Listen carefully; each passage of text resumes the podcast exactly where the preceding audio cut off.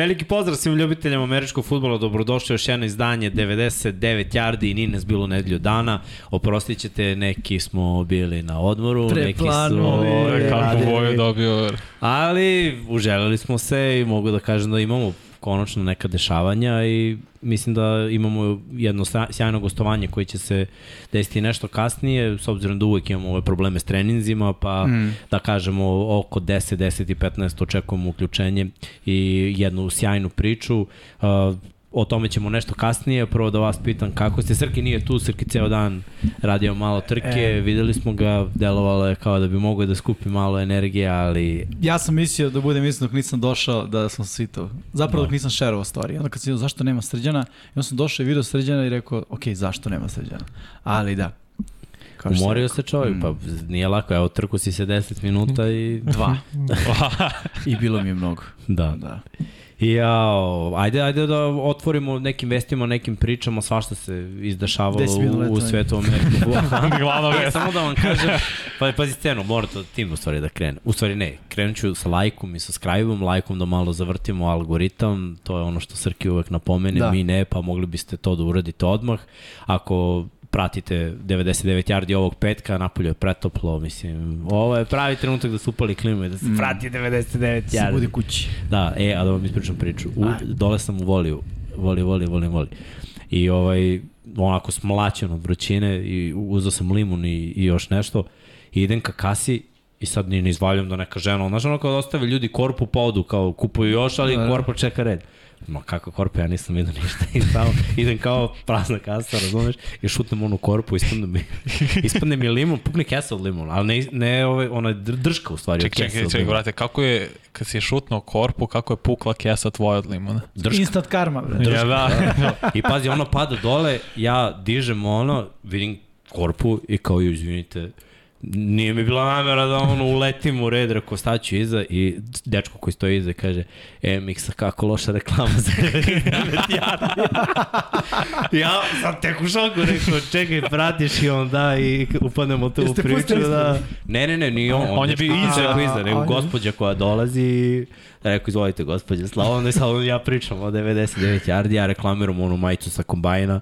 99 yardi. I sad noš, nije mi bilo jasno da li je skapirao po majici ili ovako, on kao ne, ne, pratim sve epizode, gleda se ovde uredno NFL. Tako da pozdravljam brata navijača Dallas Cowboysa i u Herceg Novom se pozdrav, gleda pozdrav, 99 pozdrav. yardi NFL. Pozdravim ga, ja jako navijaš Dallas Cowboysa. pa, pozdrav.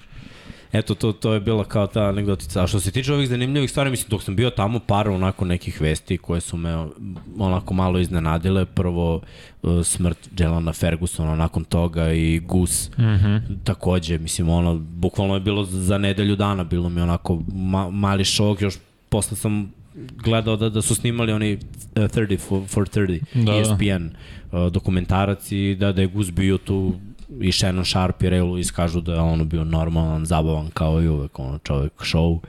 I eto, to, to je jedan od onih igrača koji su... Toni Siragusa, tako? Toni Siragusa, da, da, da, da, Sjeko Gus, popularni Gus. Gus. Da, da, da, da. pazi, on je radio za ESPN godinama mm. kao analitičar i voditelj sa, sa mm -hmm. terena.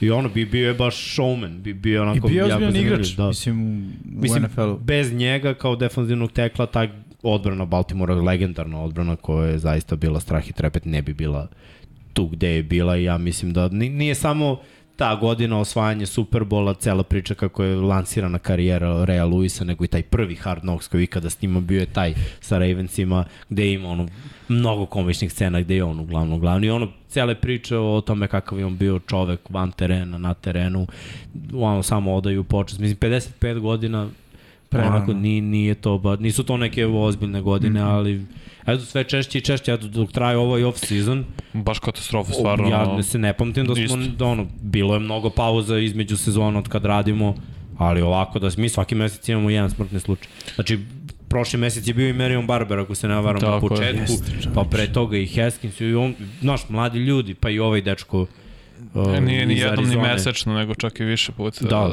ovaj cornerback, uh, Da, znam što igra u Minnesota da, i pa prešao Arizona. Da, je Jeff Gladney i on. E, jest, da, je, jest, Gladney, jest, Jeff Gladney. Gladney. Tako je. Sa TCU-a, da, da. Jedan jest. po jedan po jedan, znaš, ba, baš mi je neverovatno, nekako ne mogu da se otmem mm. utisku da, da nešto tu nije kako treba, da ba, baš ne znam šta da kažem, Mijelo Ferguson, mislim, ovog 26 godina, uh, došao u NFL, trebalo je da igra treću, četvrtu sezonu, po tim uh, ruke ugovorom da bude produktivan, da opravda u stvari ono što je radio na koleđu 47 45,5 se koji. Bio je baš da, produktivan koleđ. Ali u NFL-u nije i ovo je bila ta godina, stesao se, skinuo neke kilograme koje mu nisu trebali, onako izgledaju nikad bolje, ali izgleda da je konzumirao neke stvari koje mm. nije smeo i eto ti, ti sad kažeš vest, da si da. pročitao vest. Da. da, da, to je bila vest da je bila neka mešavina uh, ilegalnih substanci, mislim.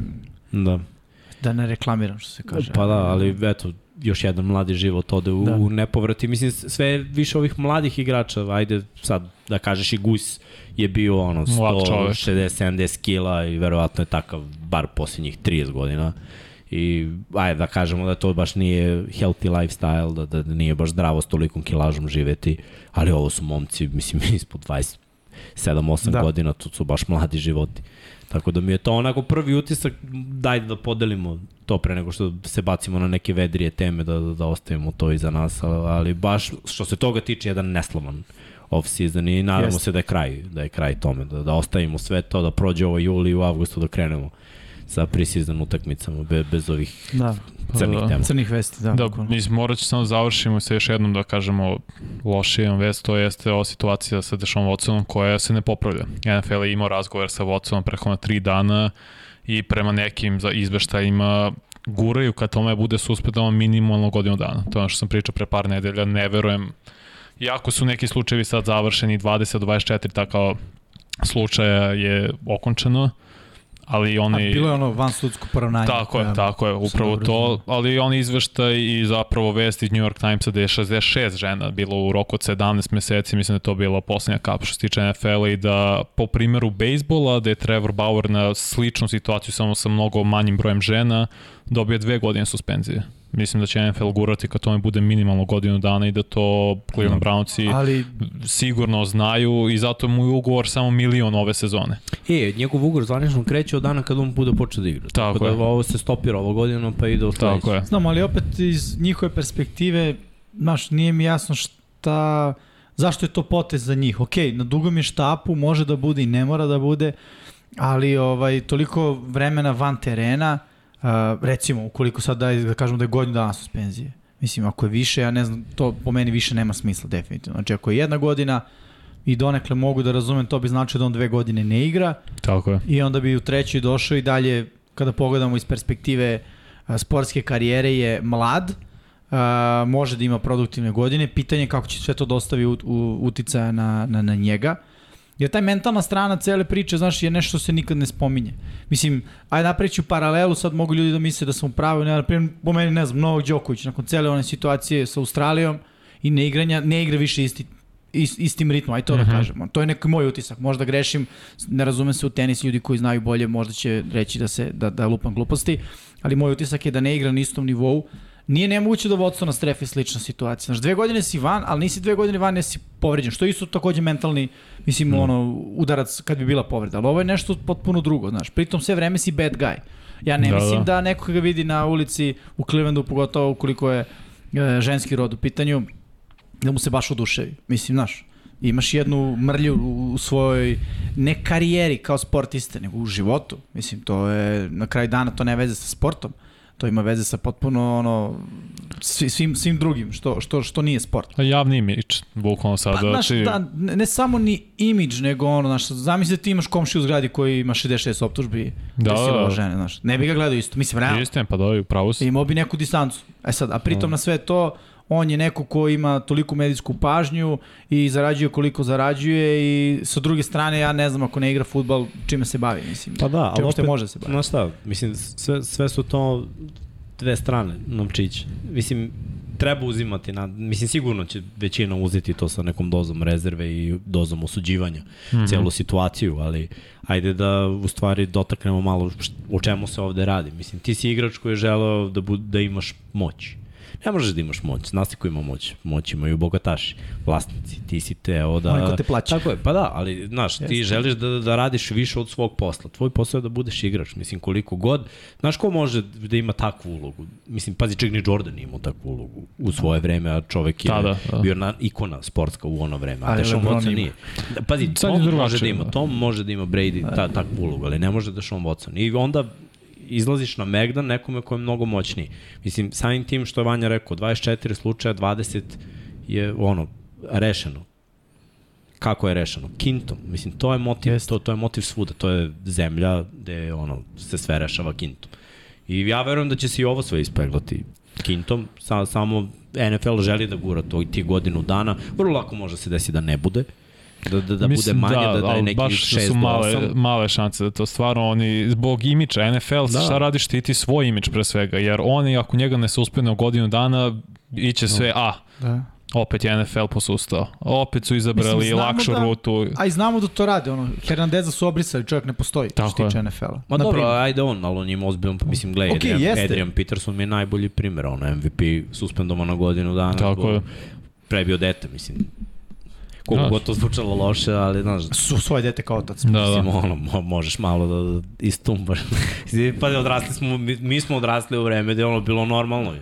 Sad, ono, za, za, pa, sad vratiš da- se sad kroz vreme i ono, kad si bio, napravio neku glupost i uzmeš sa osudiš ćala to. Godinu dana posle, kao, Pa dobro, ne, ne znam šta je tu tačno bilo, budem iskren, nisam do Sjajno. Prebio ga kraj. Prebio ga, nisam mu slomio kosti, čini se čak. Uh, to, okej. Nije mu slomio kosti, izmlatio ga kajšem, nego, je bilo ono Okej. kao koristio je... E, zato kažemo, ima dosta rekla kazala. Pa gledaj, Da, da. mene da Adrian Peterson u ono vreme kad je bio, ja mislim, treba da udari kajšem ili rukom, ja bih rekao, ćala, uzmi kaj.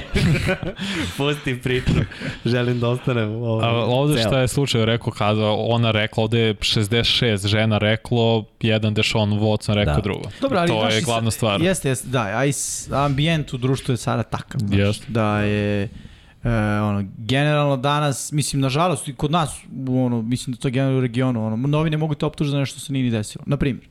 Ali dok god se da. piše, ja ne kažem da se to nije desilo u Moj slučaju neko može Dešona. da misli, pazi, meni je najsmešnije svega što je sve to posredovala ekipa Houston Texans sa svaki, svaku tu zakazanu masažu. I zato su oni, Sad Jimmy- Watson je njih sad tužio. Ne, Ne, ja sam- Jimmy, pusti Jimmy u facu. previše, previše slučajnosti da bi bilo E, slučaj. Da. Mislim, da, ne, ne znam. Da, mislim, meni je to u startu odmah bilo ono kao, nećeš da igraš, ok, mi ćemo te kazniti na ovaj način, a ovo će slučajno samo da isplja. Ne znam. Kao, Houston je izvukao sve što je teo. Pokazali su mu ko ima moć, Da. stavili su ga na klupu, tradovali su ga, uzeli su pikove, završili su celu tu sagu i zakočali mu život. Jeste. Ko je tu? Ne, ne, ne, ja, ja u znam, ali zvanično mu jedino Houston što je nije dobro jeste, život. jeste što je dobio tu kintu od Clevelanda. Da. Razumeš, i što će igrati. Da, Da, da, da, da. Houston je izgurao svoje. Pazi, čak i da ono, nisu sve to uradili. Da je dve godine pauzirao zbog ovog njihovog eksperimenta, oni su opet uspeli dve godine ga drže dalje od onog što on valjda najviše voli da radi, mislim, Da. da. od futbola. Da, da, da, nego ko će kažem zvanično ga Houston nije, nije, nije naš Houston je kao Pa da. iznenađena situacija. Mislim, Pa, tipično. Da. teorije zavere. Ali dobro, ajde da kažemo da znači kad bude krenuo da igra dobija kintu, Cleveland će biti bolji tim ovako. Šansa za ove Ovo je tvoje... druge. Ajde ovako, i ovaj tigrove. Još jednu stvar koja je uzročno postiče povezan, Baker Mayfield. Ne, Baker, Baker je ide, rekao da neće. se oprosti od Clevelanda, da neće da igra za On Brownce, jeste sigurno. rekao, ali sam ja opet pročitao tekst u kome kao ono Cleveland bi razmišljao u njegovom smeru. Mislim, Pa ne, problem- okej, ali on, ne, on neće. Baker Mayfield, da da, igra. ali ko će šta da da za Bakera Mayfielda? To smo Pa već pričala pričali. se, da, niko, neka Karolina završi- pre dve nedelje da je glavni favorit, da su razgovori u toku. Mislim, mi smo spomenuli Karolina samo u glavi koliko su oni očeni na poziciji quarterbacka. Da, Nije pa, Baker katastrofalno rešenje, ali, Nije, ali pa bolje od Arnold. bolje od ali je skupo rešenje. Pa, Pa, dobro, tome oni se, hoće tu da se prebiju cenkaju. paru. Oni hoće da Cleveland plati, oni žele zapravo Cleveland plati većinu, od 15 je miliona ideal. od 19. I ja bih voleo Ali Cleveland da me nema plati opcije. da ne radim ništa za njega. Ili će da ga zadrže celo godinu i plate 19, ili će da ga katuju da opet plate 19, ili makar ga tradu i platiš malo manje. Pa, sad smo pričali o moći, ja bih ga predržao na klupi i platio. I rekao, Ovo- i kako imamo najskupljeg backup quarterbacka. Mislim, da, malo je narušen taj odnos. Ali... Ne, ne, na, odnos je Da. narušen uh, još onog momenta kad je Baker Mayfield prvi put izašao i pričao na, na tu temu u negativnoj konotaciji. Pa, pa dobro, pa mora. Mislim, Neke stvari ne možeš da kažeš i da očekuješ da ima nazad. Mislim, ja ne mislim da on Pogledaj, očekuje. on, on, on, je da odradio dobar marketinški posao. Znači, on ima fresh start, da li ove godine, da li sledeće godine. Ali Znaš, ima ono, još jednu šansu. Ma ja, vidjet ćeš. Nove generacije quarterbacka su sve gore i gore. Mislim, analiziraj nekoliko posljednjih godina, Istina. koliko i svi igrači dobiju drugu, treću, četvrtu. Evo da ti je neko rekao da će Gino Smith da se takmiče za poziciju startnog quarterbacka pet godina posle Ma da. fijaska u, u Jetsima, da li bi verovao? Darnold. Između ostalo. Da. Da. Mislim, ima ih, znaš. Da, da. Tako da, dokle god imaš neku Lock. zaleđenu dobre, dobre agente, razumeš, mo, možeš da dobiješ šanse. Ne, upravo si, kvalitet quarterbacka koji dolaze e, sa koleđa nije takav da, Da. Da, dolazi neki pre, preveliki potencijal. Bar Ili tako. barem oni koji su, mislim oni koji su u hajpu. Ono. Ja verujem da ima tu dosta dobrih igrača sa odličnim I pristupom godine. i radnom etikom, ali ovaj da ih NFL ne, ne vidi prosto. Ono. Da. Mislim i to je ono... E, Ove godine je bila, izvim što prekam, realna slika quarterbackova. I videli su, ok, ne ide jedan quarterback u dve runde koliko je bilo, onda posle treći i četvrto je krenulo da biraju. I to je bila realna slika, to ne, smo i znam, pričali znam, ali, ovde. e, e, e, slika je realna, ali je loša. Mislim, to je Jeste, poenta. ono, jeste. znaš. Draftuješ quarterbacka u trećoj rundi si da bude starter. Mislim, ono, Da, do, pa, dobit ćeš to, brate. Doš, došli smo na ono što je bilo nekad.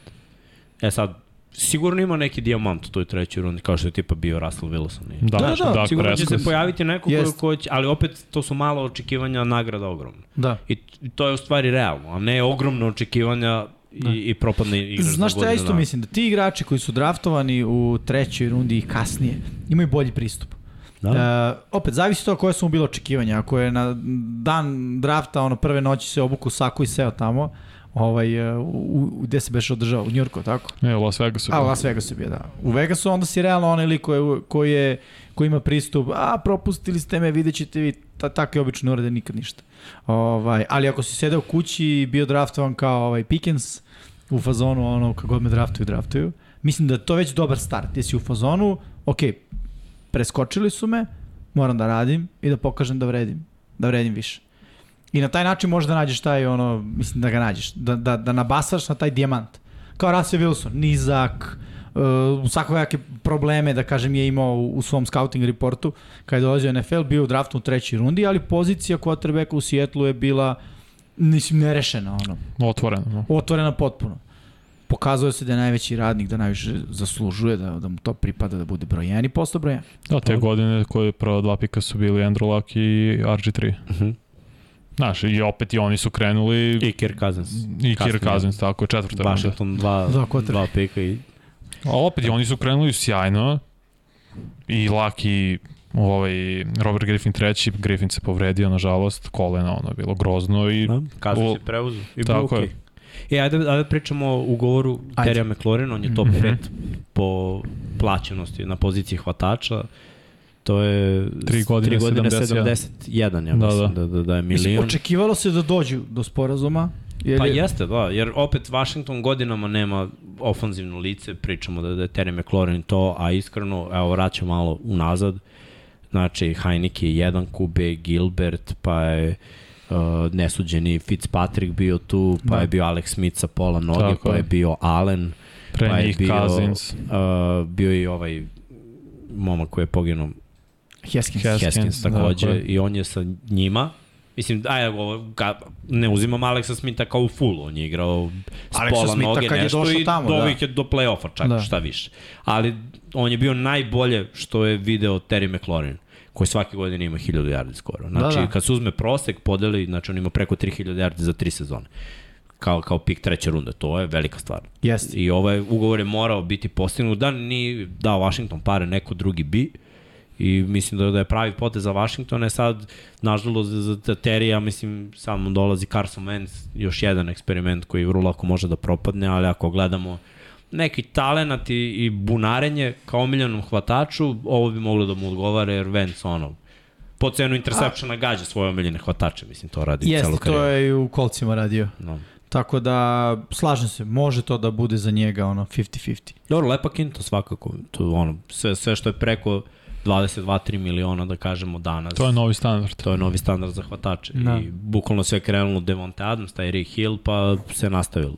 Koliko je Mike? Mike je 20. 23 godine, da, 60 miliona. 60, to. Tako da od, od prilike to, to je neka kinda. Bez 20 miliona neće se pričati o, o hvatačima. Evo sledeće godine imamo baš dosta pikova koji su on ulaze u tu petu godinu ugovora kao što je mhm. Hollywood Brown i mislim, mnogi igrači koji možda ni ne vrede tih novaca, dobit će ih sledeće pa godine. DK je na poslednje godine ugovora, da. isto da še bio druga runda. Dibo Samuel takođe se čeka Tako njegov je. ugovor. Da. To, je, to, je, to su sad sledeći ugovori za igrače za koje ja verujem da će biti veći od ovog McLarenovog ugovora. Plašim se samo za, zbog Washingtona da su trenutno nekom quarterback čistilištu nešto između. To je pa, baš problem, jer ako opet Vance se ne isplati, To je koliko quarterbackova smo napravili u prethodnih tri godine. Pa, jedno šest. Pa, pa imali su trojicu, tako su je. one godine kad su ušli Naš. u playoff, pa Heineke i Fitzpatrick koji se povredio, pa onda ove godine ulaze sa, sa novom pričom. To da. vrlo, ali pazi koja je razlika između njih i Kolca, koji istu situaciju imaju. Poslednjih 4-5 godina, svake godine novi yes. quarterback, ali koliko je bolje organizovan franšiza i sam tim i koliko to kvalitetnije izgleda.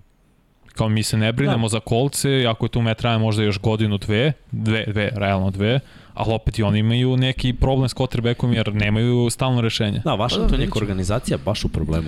Mislim, vlasnik je... Decenije. I ove cele priče Jest. van uh, da, da. organizacije, van mm -hmm. futbolskih operacija, ajde tako da kažem. Tako je. Znači sa svim... Pa I generalno oni kao ekipa, ono, kad su poslednji put nekoga razvalili? Da, da su urezali u memori. Sad kad bi gledali rezultate, možda bi nešto i nabasali. Ali uvijek igraju neki konzervativan futbal. Ceo njihov neki pristup je onako konzervativan. Nisi nešto u toku generalno kao organizacija. To je, to je neko moje mišljenje. Uh, sve neke druge, ajmo pričamo o tome da nisu imali ime. Ono, koliko? Dve godine? Da, dve godine, da. Dve godine nisu imali ime. Pa ono, logo im je bio duplo slovo, dup, duplo slovo, duplo, duplo slovo, slovo duplo V, razumeš? A to im je dalje logo.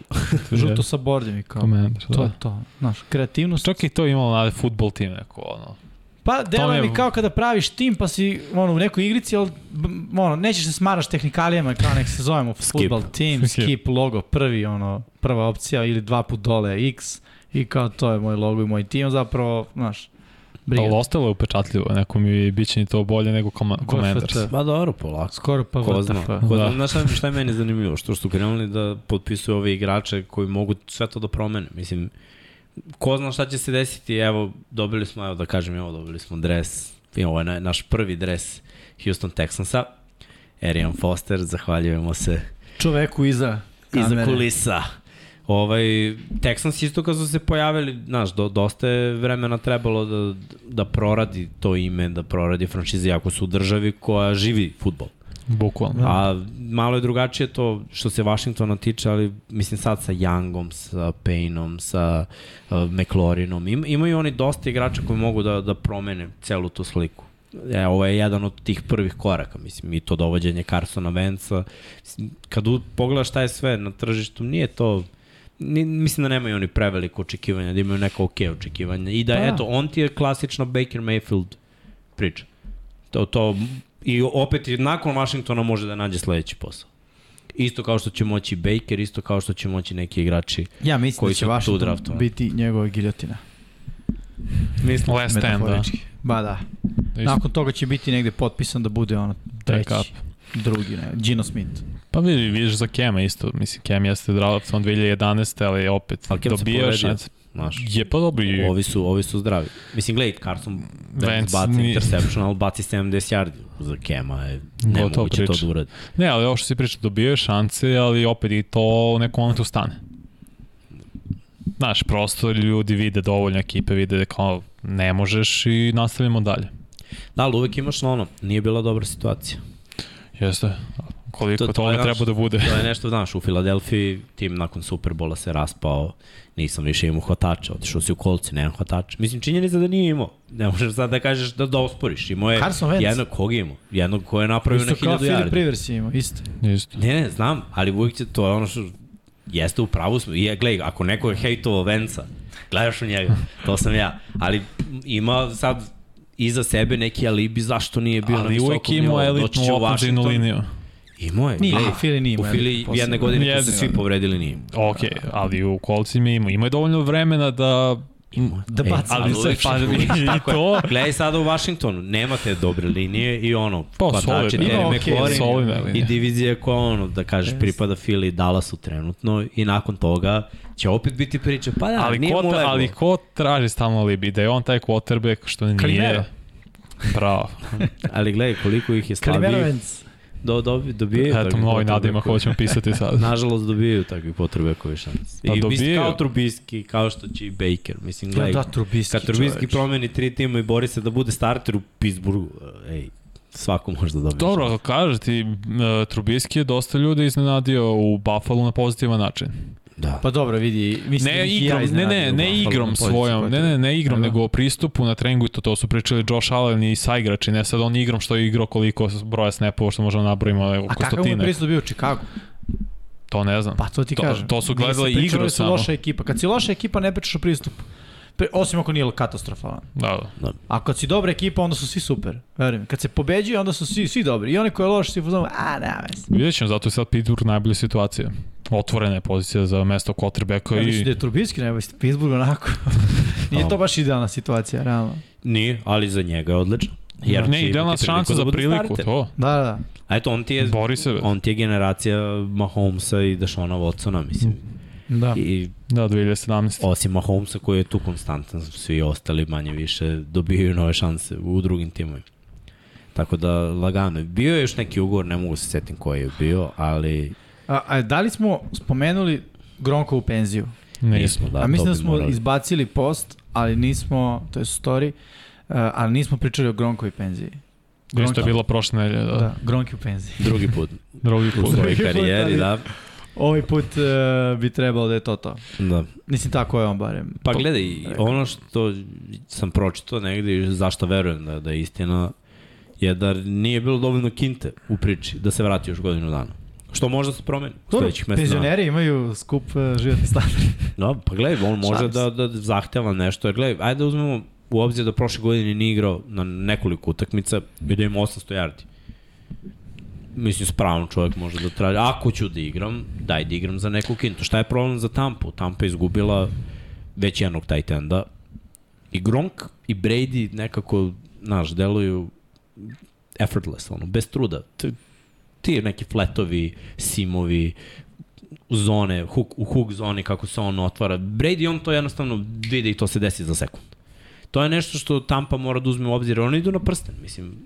Ako je razlika o tome da li on hoće da igra ili neće da igra milion, daj mu milion. brate. Mislim, ono, ja, ja mislim Kako se da tako neka zbaca razlika. milionima, a? Pa milion ovde, milion tamo. E. Hoće Da. milion čovjek, daj čovjek milion.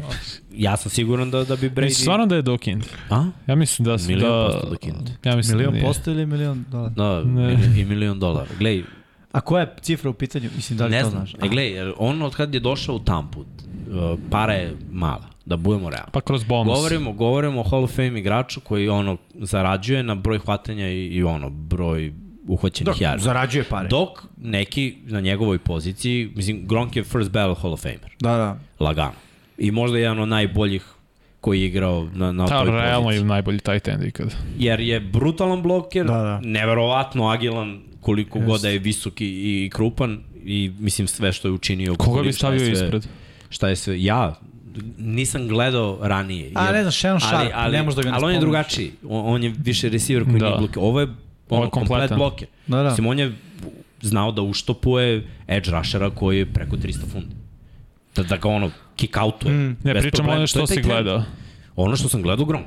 Da, pa mislim To- to mi je gledao, ali nije da nisi gledao, bio je Tony su- Gonzalez, bio je. Antonio Gates i ima... Jeste, ali ja sam Tonija Gonzalesa gledao u raspalim Chiefsima gde ništa nije mogao da uradi. Ušao je jednom u karijeri u play-off i onda je otišao u Atlantu i ušao je dva puta u play-off.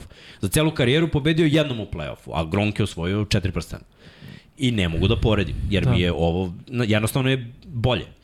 Sad, ako gledamo broj hvatanja i tako nešto, To to, to su sve druge gledamo. neke statistike, ali znaš, meni opet Viten bio i bliže kompletnom taj tendu kao bloker i hvatač. Imao veliki broj hvatanja, yardi, touchdownova, ali je bio jako dobar bloker.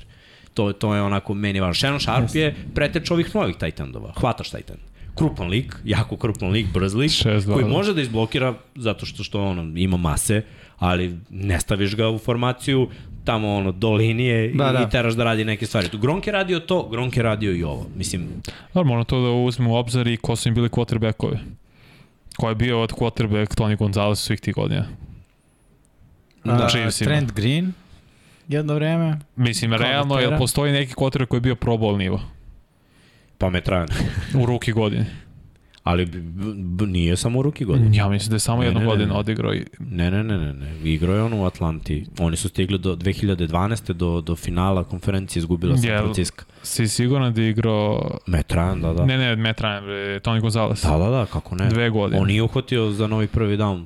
Ne, kad to je, to je dve sastavio. godine, znaš, i mislim, svi ovi ti tight endovi On su je bio imali... tri godine u Atlanti. Treću godinu nisu ušli u play-off, Stevena Jacksona su doveli, mu je katastrofa. Dobro. Atlanta imala lošu sezonu i to je bila njegova poslednja, da je, da je on ono kao, ok, mm. -hmm. ipak nismo taj šampionski tim. Ali da kažemo da, da, da je imao. I gledaj, njegova statistika je bila impresivna, A stvarno. bila je impresivno, zb- u, još impresivnije Ali jer nije imao tih svojih Da. glavnih godina, realno Ali nekog Tony Gonzalez isto nije dobar blok. Mislim, Nije, elitni blok. Nije, nije. Tony nije, Gonzalez isto bio ono basketaš koga izdvojiš Tako je. od linije, može da ono gurne nekoga, ali nije bio Ne, elitni ti hoću kažem samo za Tony Gonzalez da imao realno najgore quarterbacku u poređenju sa ostalim ti tight endovima. Ti kad jednog imaš John Elvea, kao Gates imaš Brisa, pa Riversa, onda imaš... Tony Aha, Gonzalez u Atlanti bio 5 godina.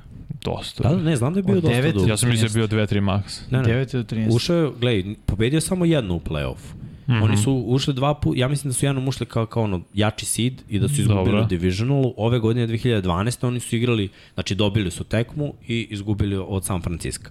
Uh, najveći problem u njegovoj karijeri je bilo što nije mogao pobedi u play-offu. I ono, to mi nekako pokvarilo sliku svega, mada bio je dominant. On je bio kao to- Antonio Gates u crvenoj zoni dominantan target. Ono, to je igrač ko staviš ono, u situaciju, yes. mismatch i nema linebackera ko Ne, može da ga da, da završim samo misao, i ti imaš i Vitena koji imao Tony Roma. Imao je. Imao i Daka, imaš Grahama koji imao i Drew Brisa i Russell Wilsona, Travis Kelce imao Alex Smitha koji je bio pro bowler tada. Tony Gates, njega Ma- nisu spomenuli. Da, I on je Jeste, da, priči. da, mislim, jeste u priči zbog uhvaćenih lopti, Da, da, je. i svega, ali ni, gle, opet ni približno Gronku. istina. Stvarno ni približno, mislim, Dallas Clark, sa samo onako nabacujem imena. pa da, ali nije, bio- to... Nije on taj Nije. bloker, bio je dobar bloker. Da, da. Dallas Clark je bio dobar bloker.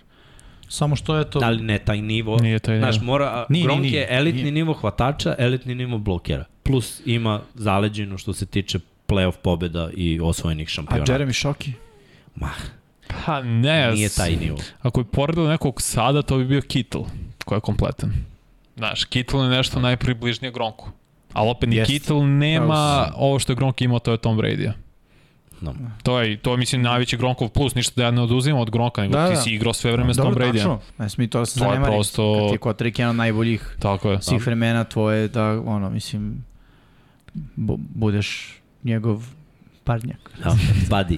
Pa, da. Najbolji drug. Ali gledaj, ne, ne, slažem se. Ja verujem, ja Dobro, verujem da je ono u njegovoj karijeri ok, kad uzmeš rezime, šta on gleda? Meni je i ovo dovoljno. Mm. Obezbedio sam se za život i bit ću ono Hall of Famer i ono hvala futbolu, dovoljno je, ali opet ako ću da uđem u još jednu godinu igranja, još jednu godinu takmičenja, Gronk stvarno dobija mnogo batina jer mnogo i udara. Mislim, ti kad blokiraš toliko, umaraš se. I Tampa dok trči i ima takve zadatke za njega kao, mislim, on je dominantni bloker od Brejta. I bit će korišćen više kao takav tip igrača. Znači, ako ćeš već svoje telo da izlažeš tom stresu još godinu dana, postoji cena, mislim. Znaš, nije cena kroz hvatanje. Šta ako ne bude ispunio broj hvatanja da, da uzme tih milion dodatno? Mislim, to, to je milion za to, milion za broj yardi, milion, jer razumeš, to, verovatno vidi, čovjek hoće u odjedno. ligi da zna kako ugovori je. u NFL. On je jedva pokupio bonus prošle godine. Pa da, za ima broj hvatanja. tako je. Tako što je hvatao fletove od nula yardi. Mislim, znaš, Tampa je verovatno skapirala to, pa je promenila broj hvatanja i podigla malo da oni uštede kao nešto.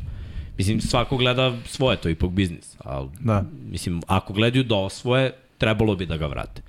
Jer moje mišljenje je da, da Tampa videlo se, ono, ni, nije taj tim bez Gronka. Naročito sada kad nema dr tog drugog, trećeg OJ O.J. Howard, znači da. ostaje samo Brate. Mm. Ne, imaju problema i s hvatačima. Gadin će se vratiti kasnije. Ovi klinci ostali, to je tek da vidimo. Ono, da li mogu da uspostave hemiju sa Bradyjem. Ostaje Evans Mislim, Da. nije ošto lako. I Saintsi su se nekako povampirili. De, deluje mi ono da oni imaju neki stav, znaš, kao dobijamo ih stalno, kao što, što oduzmu diviziju.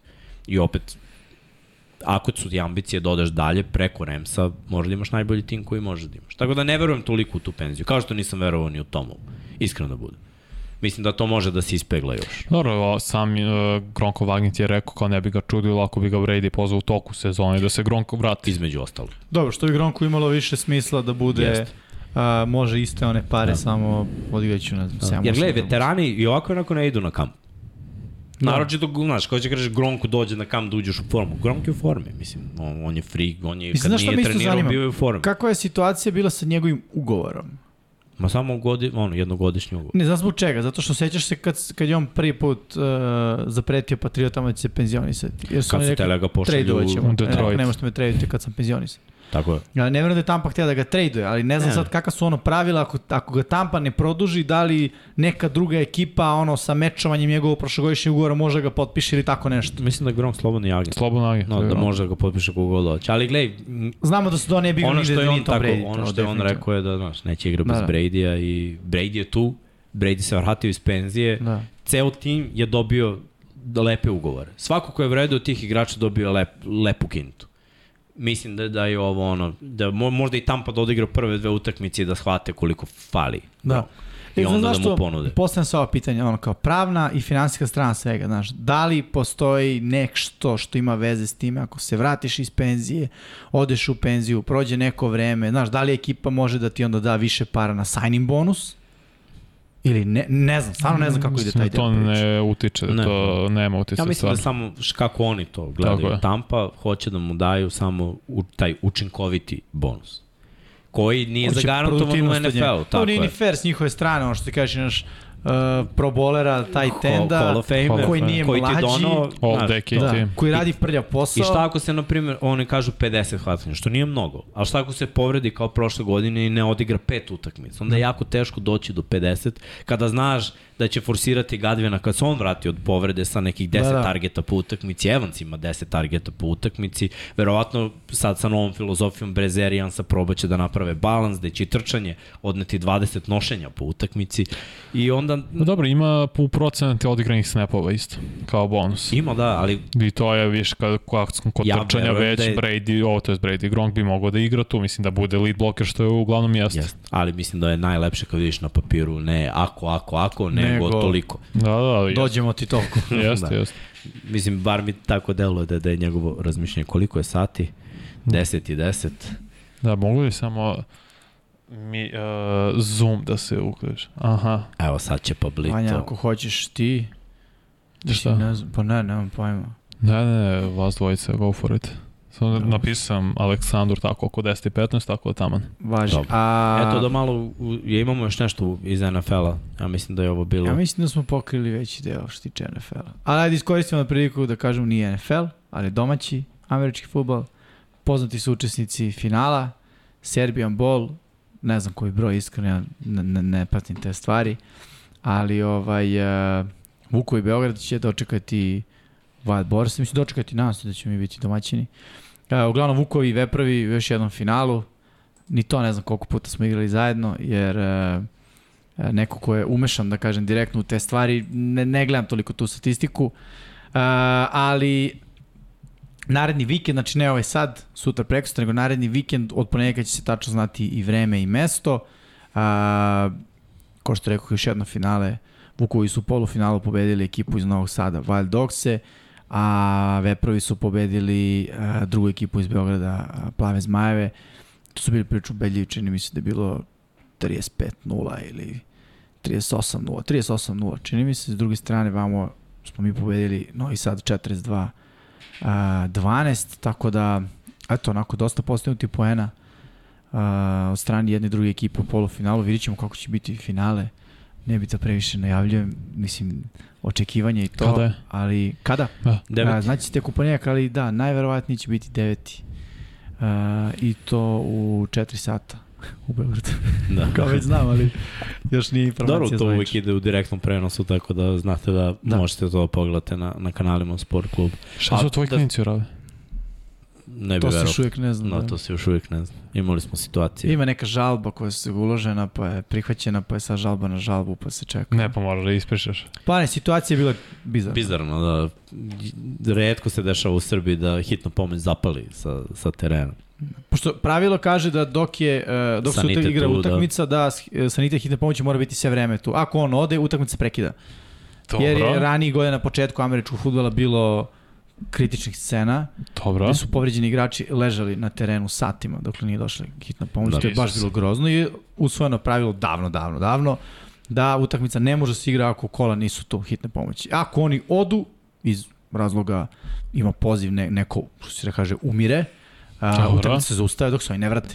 Oni se nisu vratili. Vratili su se. Ali, E, sad postoji kao neki rok koji zapravo Mislim, gledaj, to je ono rup, rupa u pravilima. Rok postoji da oni kao moraju da se vrate u pola sata, ali pa. zapravo hiljadu puta se dešavalo Koji? da oni odu i da se ne vrate. Da. Ili zbog nekih drugih stvari da se prekida utakmica, trebalo bi da se toleriše sat vremena. A, Zapravo sudija donosi tu odluku. Da, sudija donao odluku Aha. da se čekaju oni, drugi tim nije teo da nastavi utakmicu. Pozivao se na to. Pošto je Da. bilo 4 minute do kraja, a odigrano Da. više od 3 četvrtine. Ima i tu sa neka pravila koja pravila koja su napravljena da reše probleme kao što je kreće utakmica nailazi oluja koja traje 3 dana. Šta se radi? Ako je odigrano više od 3 četvrtine, jasno. koji je rezultat bio na kraju toga? To je bio finalni rezultat. Koji je rezultat bio? 7-6 za njih. Almino 30 yardi. 4 Četiri minuta do minute kraja. Njihovih 30. Da, da, kapiram. Da, možeš svašta da pomisliš, kao da. U slučaju Watkins, ovaj, Watson, Antonio Brown u Raidersima i ostalo. Znaš, zašto su baš Stvarno izabrali... ludilo. Da, zašto? Mislim, ja ne znam. Sad, ajde, ja i Miksa možda zastupam istu stranu, pa nije fair da pričam ovde kao Ma, jedna strana, ali eto, e, žalba, pa žalba i sad se čeka. Ne znam se uvijek ko igra. Inače, to je bilo polufinale, borba za finale. Još sam ne mislio da je to finale ne, bilo. ne, polu, Ne, polu. To bi tek bilo smešno da je finale. Finale Pa pa, trebalo da, da, ja da sam se mislio da igra sutra, da, ali zbog ove cijele situacije ne zna se ni ko igra u finalu, osim Isus. Kraljeva, pozdrav za, za njih, oni su svoju sezonu odradili brutalno, stvarno dominantno. Da. I ovaj, mislim, iskreno verujem da su trenutno najbolji od konkurencije što se tiče ispod 17, ali eto, čekat će još nedelju dana pre nego što saznaju ko im Ja, dolazi to na je stvarno. Da, Dobro. Modoro, to ti je ono, španska serija Koja nema kraja. Televisa prezenta veće to što se tiče američkog futbola u Srbiji. Ali dobro. Tako da ovaj, to očekujemo. Ali ajde malo da, da, da pričamo i, i LF-u i E, samo, FL-u. s- to može kad se uključi. Aleksandar, samo spomenem za, pre, to smo pričali pre nego što smo krenuli zapravo za UCLA i za USC. To E, je da, vezano može. za college Da, futbol koji iz PEC 12 konferencije, konferencije PEC 12 prelaze u Big Ten gde su Michigan, Ohio State, Michigan State i te bolje navodno ekipe. Zašto? Zbog para. TV prava. Uh, UCLA i USC. USC. USC. I sada to ostavlja de facto Pac-12 ništa. Na Imaš- Pac-10.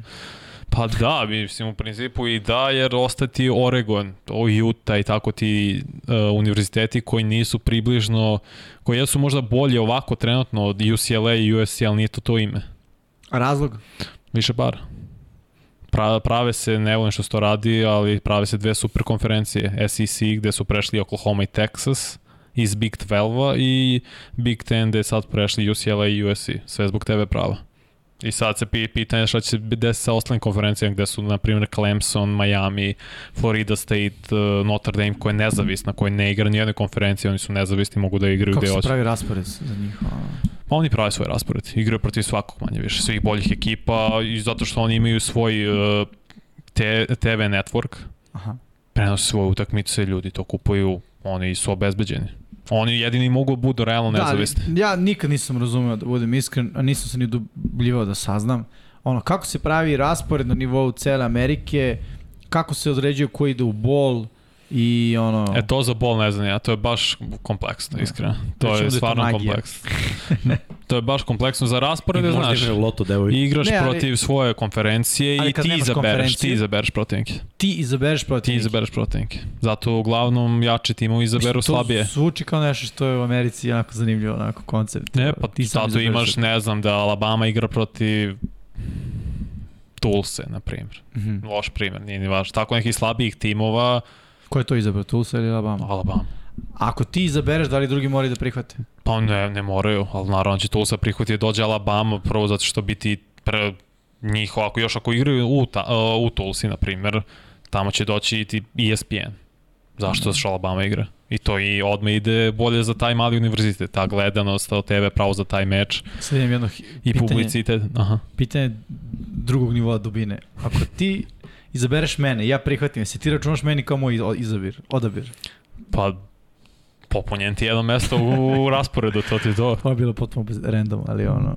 Pa ne, jeste, i to je vidjet ćemo kako sad, šta će se menjati, USC jeste mnogo bolji, bit će mnogo bolje ove godine da zbog transfer situacije gde su pola tima iz Oklahoma prešlo u USC zbog trenera, tako Evo imamo vidjeti. odgovor na ovo pitanje za bol. Moraš da imaš bar iznad 50% Tako je. i da te pozove NCAA komitet. Ali ne znam kako se zvanično Oni su- bir, kako se ukrštaju ekipe, to, je već... Pa je verovatno ko podmaže klizi. Ma možda ono loto Pa bio one devojka. godine TCU. Pa dobro, si... bez poraza. I nisu ih Nisu, uzeli pa, nisu igrali college, uh, šta je ti si u Big 12? Pa čini bazi ovo Notre Dame kad je bilo je pitanje da da će ući u, U top college playoff, da. da. Pa zavisi.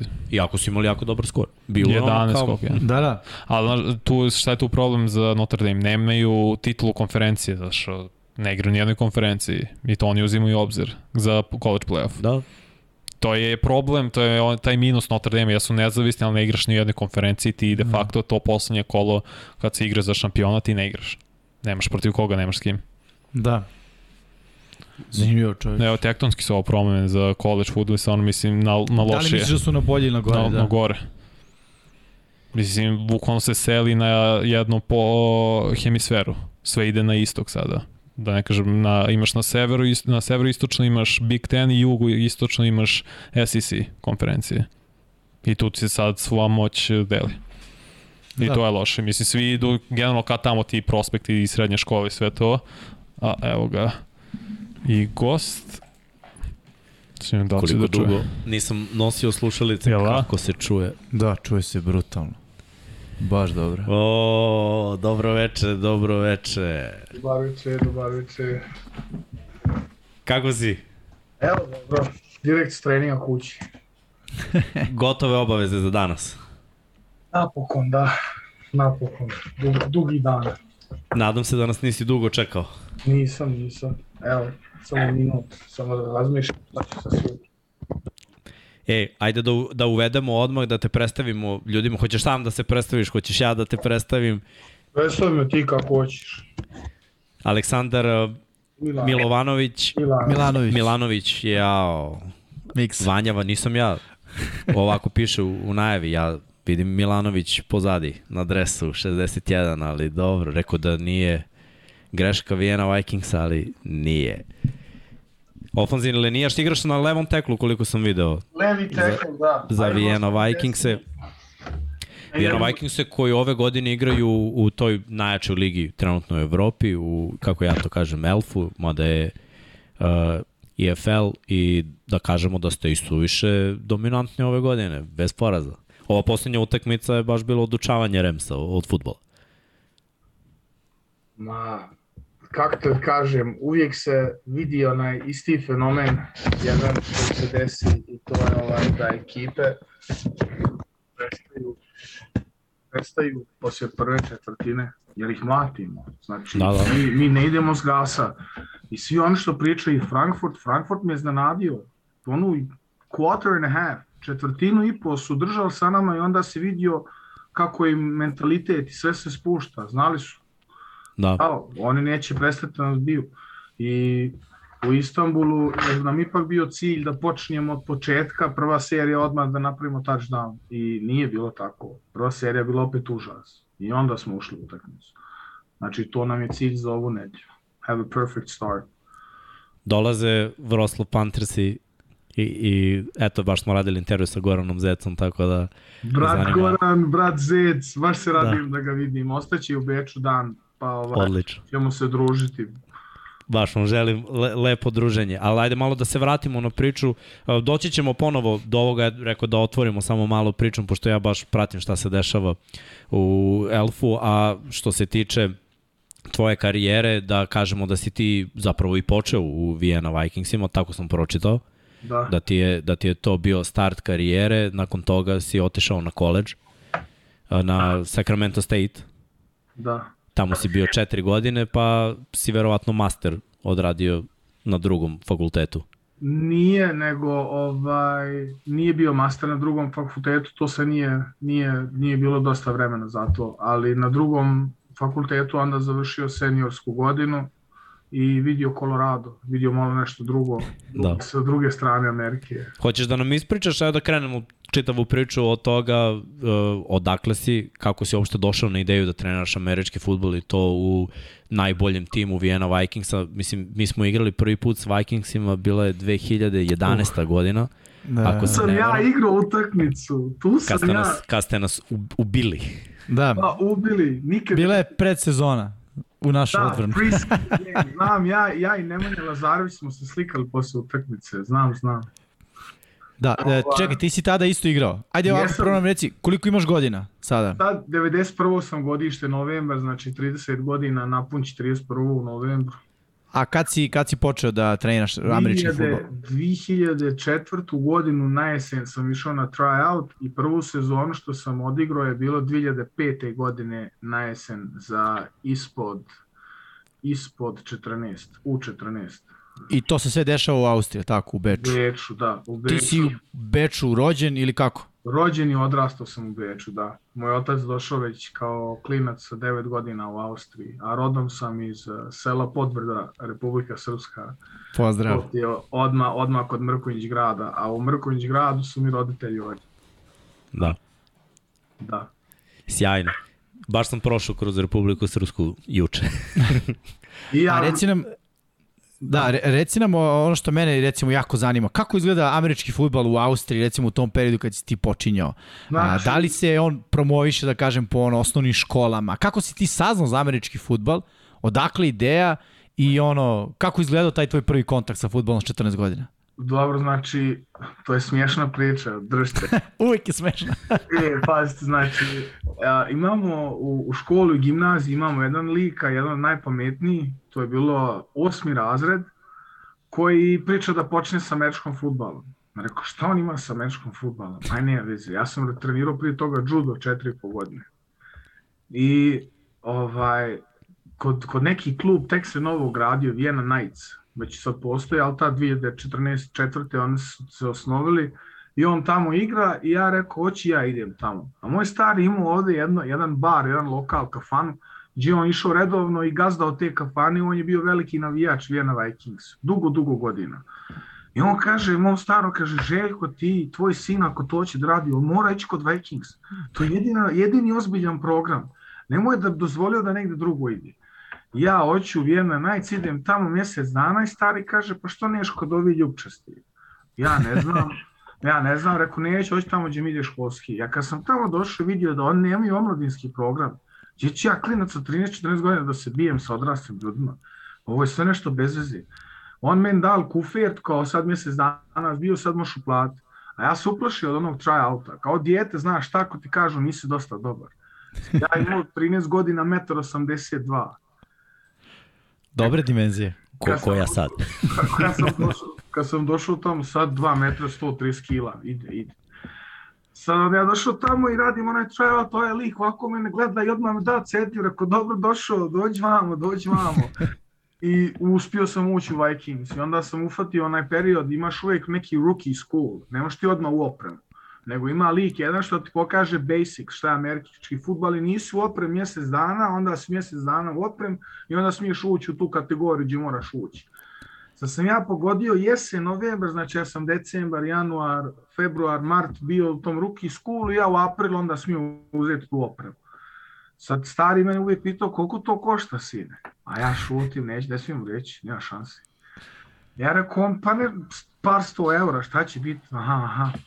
I onda kad je došlo vrijeme, on uplatio godišnjicu tad 400 eura i onda je rekao, tata moram uzeti opremu. I mi uzeli opremu i on kad je došao tamo, kad je vidio koliko to para, platio je, nije ništa rekao. A rekao, a rekao je, zajebao sme, sine. Nemoj da te sanjam, da uopšte misliš o tome da to više ne šapi. Da znaš.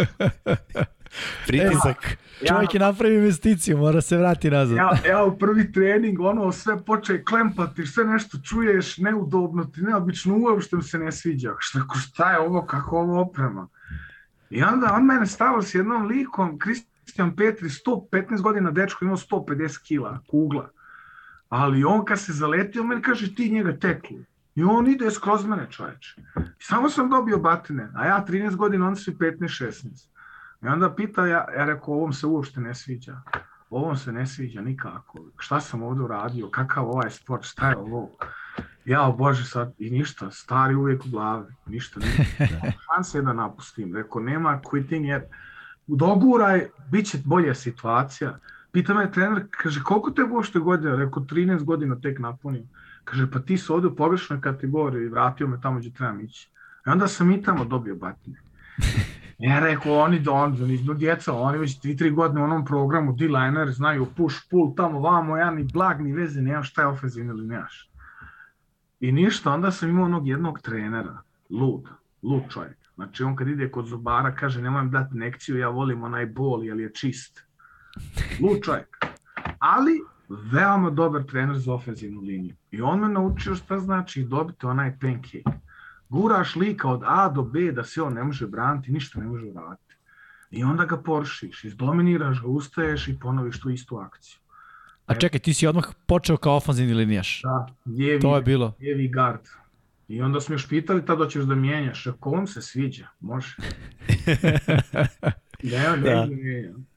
I onda sam počeo, onda sam bio u onoj programu u prvoj godini kao underdog protiv Raiders, imali su omladinu, sve neke klinice 12-13 godina od, od 2 metra i finale uspjeli dobiti. I onda, onda je počelo dalje, ispo, u, u 16 i onda sam imao čast sa 15 i po godina sam bio pozvat u U19 nacionalnu reprezentaciju. I tu je onda i počelo ono sa koleđom kad sam razmišljao. Jer bio, bio je turnir u Sevilji u Španiji 2008. godine, 16 godina imao, bio kapetan i na ofenzivnoj liniji protiv Njemačke to mi je bila ekstra motivacija. Oni ogromni Njemci. Još to sam i tuku i ništa, kroz tu performance su me glasali u onaj all-star tim. I tu listu su dobili neki ljudi u Americi i oni su onda počeli meni da krijući na e-mail pišu kao slušaj, videli smo da ti ovde nisi loše, te zanima college futbol. I sa, počeo sam tad sanjati o tome. Sa 15 godina vidio dokumentarac na TV-u od Georgia Bulldogs, kako je college futbol u Americi. I kad sam pitao oca, hoće li mi platiti da idem na high school godinu dana... Jesi mu tada rekao pravu cenu? tad sam rekao sve, da, 10.000 eura. Rekao sam stari 10.000 eura godinu dana ili pola godine. I on je rekao, slušaj, ti ideš sad u višu tehničku za građevinu. To nije više gimnazija. Ne možeš ti te godine promijeniti. Znači, tu godinu moraš ponoviti. A ti tamo u Ameriku da ideš, da se življavaš, da imaš lijepo vrijeme, ništa od toga. Kaže, ti završi svoju školu, pa onda idu u Afriku ako hoćeš, ne zanima me. I ništa, onda sam završio građevinstvenu tehničku i uspio sam da dobijem one, one grades, da dobiješ za eligibility. Ne možeš ti ići na fakultet ako on te nude ako ti nemaš sve svoju papirologiju. Pa ja sam to počeo ganjati sa 16 godina.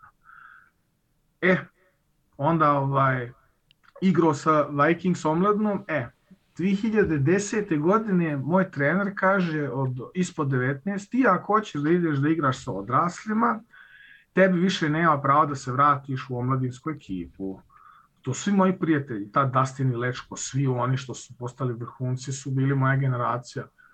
I rekao sam ja treneru, izvini, ali hoću bolju competition, idem sa odraslima, ali ako vam iko, ikad ja zatrebam sledeće sezone, vi se meni javite i javio se napokon ipak, ali počeo da igrati u Vikings. Meni došao onaj tad Chris i rekao je, slušaj, ti ćeš biti sad u ofenzivnoj liniji, ti ćeš se ovde razraziti, ne očekuj da ćeš igrati, ovde nešto malo naučiš, bla, bla, bla, ja samo njega gledam, rekao, šta on priča, ovo je moje, ja sam starter, nema tu zajebancije, ne, ne zanima me ništa, uzet ću sebe tu poziciju, baš sam bio samo ubijeđen tad, sa 18 godina. Prvi trening, neki Njemac, dva metra, ne može pomerati noge, neki papac, odmah ga stavio na stranu, bacili mene, ja uzeo najboljeg linebackera i stavio ga na gusicu. E, tu sam se zaradio tad spot i onda sa 2010. godine prvu Viking sezonu odigrao. putovali smo u Pariz, igrali smo Euroball finale protiv Berlin, moćna godina. I tu sam onda sastavio prvi highlight i to sam poslao školama. Tad da. mnogo, mnogo teže iz Evrope direkt da budeš rekrutiran ako ne uspiješ ići u Ameriku prije toga na semestar na high school. I da, da, verujem. Imam, imam situaciju sad sa klincem pa znam kako je Ovo, ja mogu zamisliti šta je bilo pre 10 godina i, i više, to u stvari pre 12 zapravo i bilo. Pa ja sam eto bio prvi Austrijanac pod upitnikom, prvi iz našeg krajeva što je direktno dobio i uspio, ono, to mi isto bio cilj i ja sam tad onda um, i bio Team World vs. Team USA. Strahinja Strepović, um, Mladen je išao i Nemanja. Da, da. Bili su troje što su bili u onom developmental team, moguće da, da uspiješ da dobiješ spot u kadar. A ja sam bio pozvat za Team World. Šveđan nam bio online coach, znači imali smo evropski bonus, nije on volio one kanadjane, jer su on bili samo truntani. I Habetin i ja smo bili onda na desnoj strani, jer ovaj kanadjan on stop usao. A head coach je htjeo kanadjana kao lijevog tekela, on je nama na kraju koštao tri sekova, nije bitno. I igrali smo tu utakmicu, ta sam išao protiv Stefan Tuit, što je završio u da, da. onda. Da, da, Stefan Tuit i ja smo stukli ta tu utakmicu. Ovaj, je li imao sek? Nije ništa, nula. Na moje strane nula. Ali je bila brz, brža igra. Znači nisam navikao, udario nas neki blizzard. Odjedno minus 15 stepeni posle nedelji dana sunca. Znači, užas. Nema veze, odigrali utakmicu onaj Joe Bergeron, što je onda igrao u Beograd. Da, da, da. On je tad bio number one running back recruit in the nation, išao u Texas. Jest. On je bio 18 godina, 17 godina tad, kad smo igrali protiv njega, pajser, znači 102, 103 kila i samo trči iskroz narod. I nismo ga mogli ustaviti. Nema šta, on je pobjedio tu utakmicu, lik dobar. Bio je dobar i posle koliko godina. Jest. Ma ja, eto, drugi su, drugi su problemi. E, na šta moram da te za, zamolim? Da. Ovaj, to svetlo koje je iznad tebe, Kažem, malo da, da promeniš kadar, čekaj. da te, bolje, da te bolje vidi raja. Čekaj, čekaj, čekaj, moment, sad ću ja to promijeniti. Pa da nastavimo priču. E, ovo bi malo bolje. E, ajde da vidimo. E. A, Vanja, je može? Kaže Vanja da može. E, tamo danas, znači 2011. ako se ne varam, ti si otišao tamo.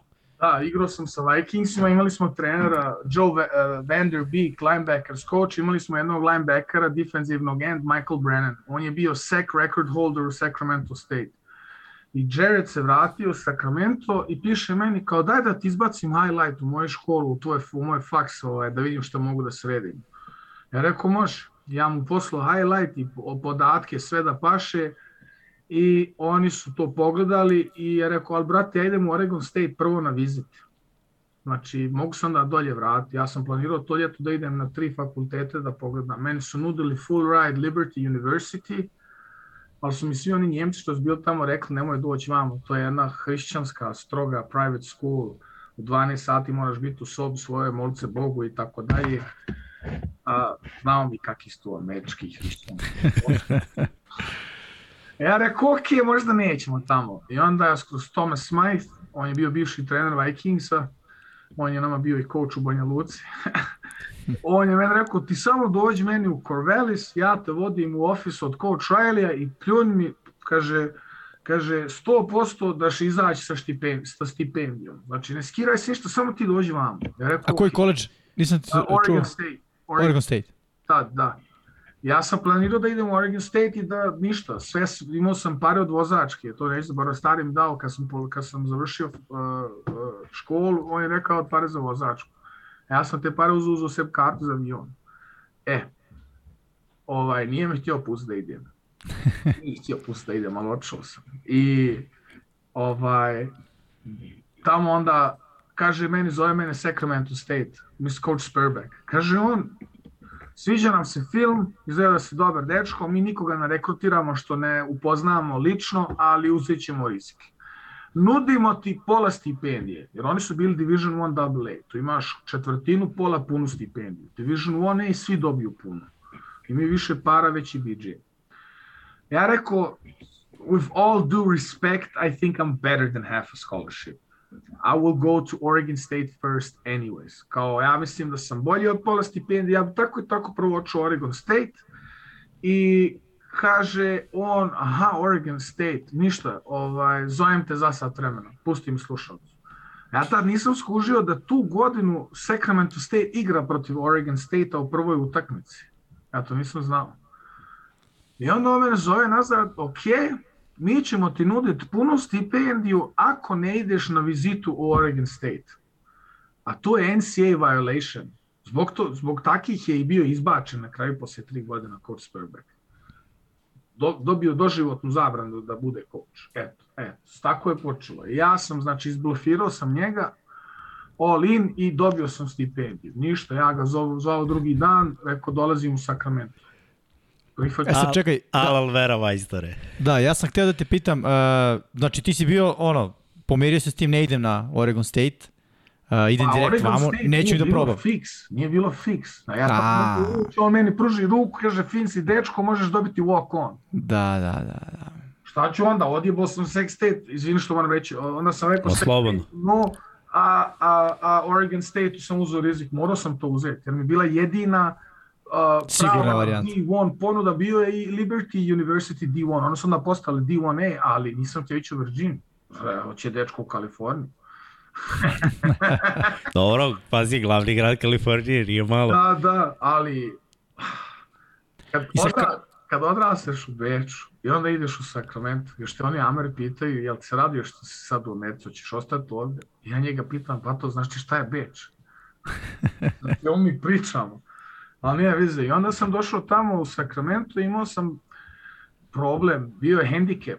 Viza mi trajala duže što sam očekivao. Tek sam dobio vizu da mogu da uletim u Sacramento 18. 19. augusta. A tad je već počeo keb, nedlja, nedlja 3 počinje.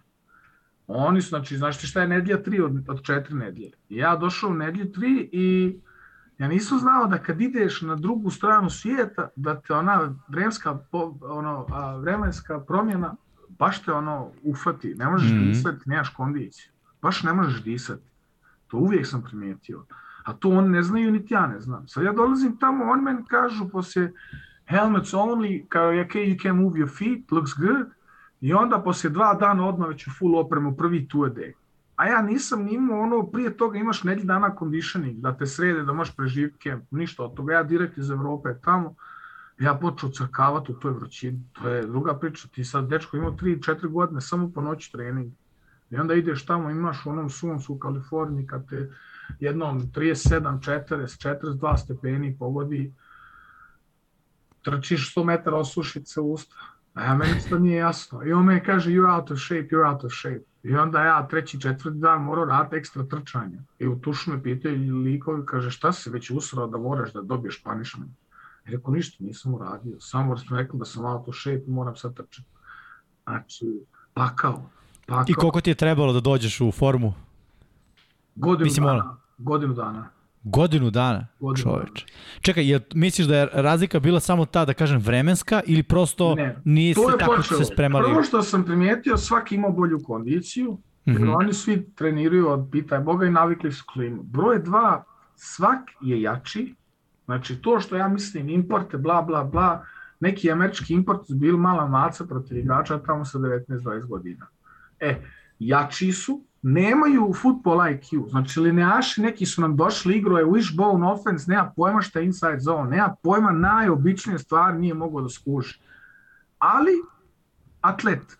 Znači, prvi korak je im bio svima brži. Znači, get off. Ono, sve, go boom, on ti već ufaci. I, I snaga. Tu su bili jači na prosjetu.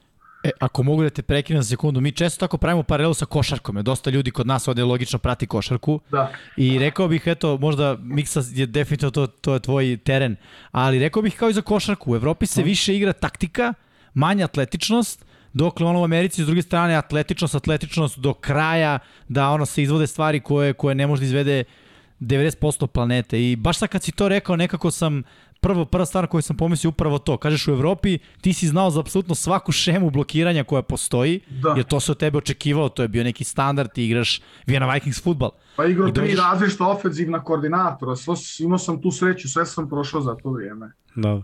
Pa da, oni, kod njih je malo drugačije što se što ti kažeš, taj kontinuitet, oni nestaju, oni od sedme godine guraju futbol, ako nije futbol, onda je atletika uz futbol, ako su malo, ako su na skill pozicijama, igra se košarka, dosta rvanja ima. Da, pa to, to se vidi, oni multi-sport athletes, on, oni sportisti što su imali, što su trenirali dva, tri različita sporta, tri sporta, znači ta šta što Da. da. su radili tri sporta, u sve tri su bili dobri, su oni što onda vrede 100 miliona dolara. Baš ima Mm. statistika svih sportista što vrede preko 100 miliona, šta su oni u prošlost radili. To je to onaj versalitet, znači različite stvari vidiš, različite aparate doguraš i sve ti to pomaže na kraju. Ne forsiraš se na jedan sport. I ja ako jednog dana imam djeci, ja ću to reći, slušaj, ti sad imaš mečki futbal, ali i ovo i ovo, igraj Da. se, isprobaj sve, sve što se sviđa, solo sport, team sport, bilo šta. Baš to, baš to, to, to, to je vrlo važno. Mi ovde se obično zalepimo ono, Da, od pa male, kad, onda- kad su klinci, jedno i, i to je to. Kod njih ide to malo drugačije, Da. ali opet Dobro, može da se imaju dođe. olimpijsko zlato, ali ne znate na kartu pokazati gdje je Njemačka. Sad ti odluči šta hoćeš. Tako. Možeš imati jedno i drugo. E sad, reci mi, pričali smo ovde i sa Ryanom, na, nakon toga uh, i sa Ilijom koja je bila priča za taj red shirt. Jesi ti imao to iskustvo ili... Pa prvo su mi rekli na telefonu, mi ne planiramo da ti redshirtuješ. Mi planiramo da odmah igraš. Ja rekao, ok. Nisam ja znao tad da svaki, u sve jednom koleđu, na sve jednom fall campu, uvijek prestaje jedan ili dva ofenzivna linijaša. Zato i dovedu 16. There's always one or two quitters. Svaki put. Znači, to se svake godine desilo. Čekaj, samo te pitam, jedan ili dva koji kao imaju stipendiju ili... Kao dolazu, imaju stipendiju, poslije tri dana, tri dana na fall camp kaže, dede, indeed, I'm not doing this no. More. Neću to da radim, to mi se ne sviđa, ćao. Samo inicijativno Da, Odlaze. i kaže, evo, hvala stipendija, nazad, ode ja dalje. Ili ću ostati na fakultetu, ali this football shit is too hard, fazon. Da. I nego da meni to neko govori, jer ja sam htio to napustiti, znači dve energije pakao, ja rekao šta je ovo, sve što sam ja naučio u Evropu, on meni zabranio da ja koristim. Vertical passer, ovo, ovo, ne, moraš da radiš kako ja hoću ili nema drugoga, ne. I početkom nisam razumio, rekao kako to u Evropi funkcionisalo, ja sam sad tim ljude pokidao, mogu sam dobro igrati, sad to još ne smijem da radim. Imali smo pass one on one, ja sam sve jednoga dobio osim njihovog All American Zach Nash. On me onda jednom dobro dobio kad sam ga ja, kad sam ga zvao dođi vam. E, bio je ovaj jedan crnja, David Coleman, on je senior. Ja došao fr frišak s broda sa Evrope. Ja rekao, ajmo, ajmo. Ja idem u onaj Joe Thomas vertical passet, neš me uzeti unutra. I ufatim i udam u punch u, u vazduhu, još zaletim za njega i zakopam ga. I svak kaže good job, ja ustajem i moj online coach meni kaže you do that European punt block pass shit ever again. Ja gledam u njega, rekao, je on dobar? O čemu ti pričaš? Sjebao sam ti seniora, šta ti što hoćeš od mene? Ja šutim. Da, okej, okej, ništa, idem nazad, ništa mi nije jasno. A ko, koja je logika? Je to kao on insistira da radiš kako on kaže Da, ili... njegovu tehniku. Njegova tehnika. Njegova tehnika, samo njegova. Ali dobro, on je sad online coach u Kansas State. On je bio jedan od najboljih online coachova što sam imao. Ali bilo je naporno početkom. Mislim, prepostavljam da je cela ideja zbog ono tehnike koja se uči cela ofenzivna linija. Ne možeš ti na desnoj strani da radiš jednu tehniku, na levoj strani da igrač radi drugu. Treba da funkcionišete svi kao, kao jedinica. Da, ali sad u NFL, na primjer, u NFL mm -hmm. si plaćen velike pare zato što to što radiš, radiš dobro. Eto, tako jednostavno. Sad kako ti to radiš, to mene ne zanima. Get the job done. Mm. To su, znači, to sam već gledao, doktori, doktori pass blockinga. I on ima, ti misliš da ti imaš eight raz, osam različitih D-line moves, a ja imam pet različitih tehnika i sve ću ti dati, nacimat te i nećeš imati pojma. To je za mene umjetnost. E, ja tako sad igram. I meni ko dođe trener kaže moraš tako da radiš, ne drugo, onda vam kaže nažalost vi niste u pravu. I ovo jedno i drugo funkcioniše. A ja dok ovo ne, ne userem, dok ne napravim grešku, nemojte mi ništa reći. Kako je bilo kad si klinac i kada, mislim, otišao si kao klinac, uh, Da. kako je bilo tebi u to vreme MC u inostranstvu, daleko od svojih, u totalno drugoj sredini što se tiče kulture. I onda dođeš do toga da, da budeš malo razočaran, eto, uradio si nešto dobro, ti si mislio da je to tvoj individualni Znaš uspeh, trener te je malo osujetio i onda znaš da moraš da guraš ono po njihovom, kako je bilo u tvojoj glavi sve to? Plakao sam, znači, prije spavanja. I cried myself to sleep. Znači, plakao sam, suze su išli, ja sam ovo htio da napustim. Odmah, poslije 12 dana je to počelo. Poslije 12 dana sam rekao se, ovo nije normalno. Ovo, ko će ovo izdržati? Ova vrućina, ovaj lud, Nebraska Cowboy što mu se dreči uvo svaki dan, što u mitingu me ras, čupa me čoveče. Stavi me na prst, ako me stisne dolje. I ekipa je bila cool, ali baš ono bio sam prema kraju. I bio je jedan bivši trener Vikingsa što je onda živio tamo blizu, coach Skip Albano. I on mi je rekao, slušaj, tamo su mnogo ljudi sad u Beču što tebe ne žele uspjeha. Nisu zavidni, nisu hejteri, nego ne žele da ti budeš taj prvi. To ti ja tako mogu reći. Okladli su se kad ćeš da napustiš, koliko dana. Okladli se nemoj da dozvoliš tim ljudima da, da, ovaj, da imaju pravo. Mislim da je to nekome ko je s ovih prostora onako A, prava stvar koja mu treba u trenutku kad je teško, zar ne? Znači, da ja ne znam da li je to tebi. istina, ne znam ja da li je to istina, niti me ne zanima, ali kad mi je to rekao, to, motivacija. koja motivacija, nema šanse, radije ću pogint, nego da pogint. A čekaj, znaš šta me zanima? Govoriš ono, 12 dana je prošlo, želiš da odustaneš. Koji je tempo? Šta se dešava u tih 12 dana? Koliko Ma nemaš real life, fall camp je hell month, hell month, pakao, znači od prvog dana fall camp sve ide samo nizbrdo. Neće ti više nikad biti cijeloj sezoni kao na prvom danu kad si došao na trening. Znači, from there on it only goes downwards. Da li te nešto boli? Da li nešto te ode čipka, ode te nešto boli? Ma, neće još biti bolje. I onda je, znači, počneš u, š- u 5 i 30 ustaješ, ideš tamo na taj field house, jedeš doručak, odmah moraš obući sve cijelu monturu jer moraš ići u meeting da ne bi mi izgubili 10 minuta na meetingu što se ti moraš presvući, ima da dođeš presvačen u tu sobu, nema tamo klime. I sat i po vremena gledaš film, a ni jednom klipu nisu unutra. Znači ne smiješ zaspati, jedn... ne do ti Bog. Ako nešto pogrešiš, zakasniš, ne ponašaš se, u školi nešto ne paše, ideš na punishment. Oni te ganjaju A šta je punishment? punishment je running, tossing net balls, sve radiš to the fail, dok te sve boli i više ne možeš. Dok si, znači, teš, teške one punishments. Eto, to imaš svaki put i nema punishment koji ja nisam uradio. Baš sam, sve sam, sve sam. I, I onda, znači, od 5 ujutro do 10 na večer ne ideš sa tog terena, imaš dva treninga, meetingsa ili imaš jedan trening, meeting, teretanu, ne izlaziš i to ide mjesec dana. I onda vikendom imaš skrimeđ i poslije skrimeđa imaš poslije podne i navečer slobodno i onda opet, bam, bam, bam. Nema off day, nema off day, mjesec Full dana. time job.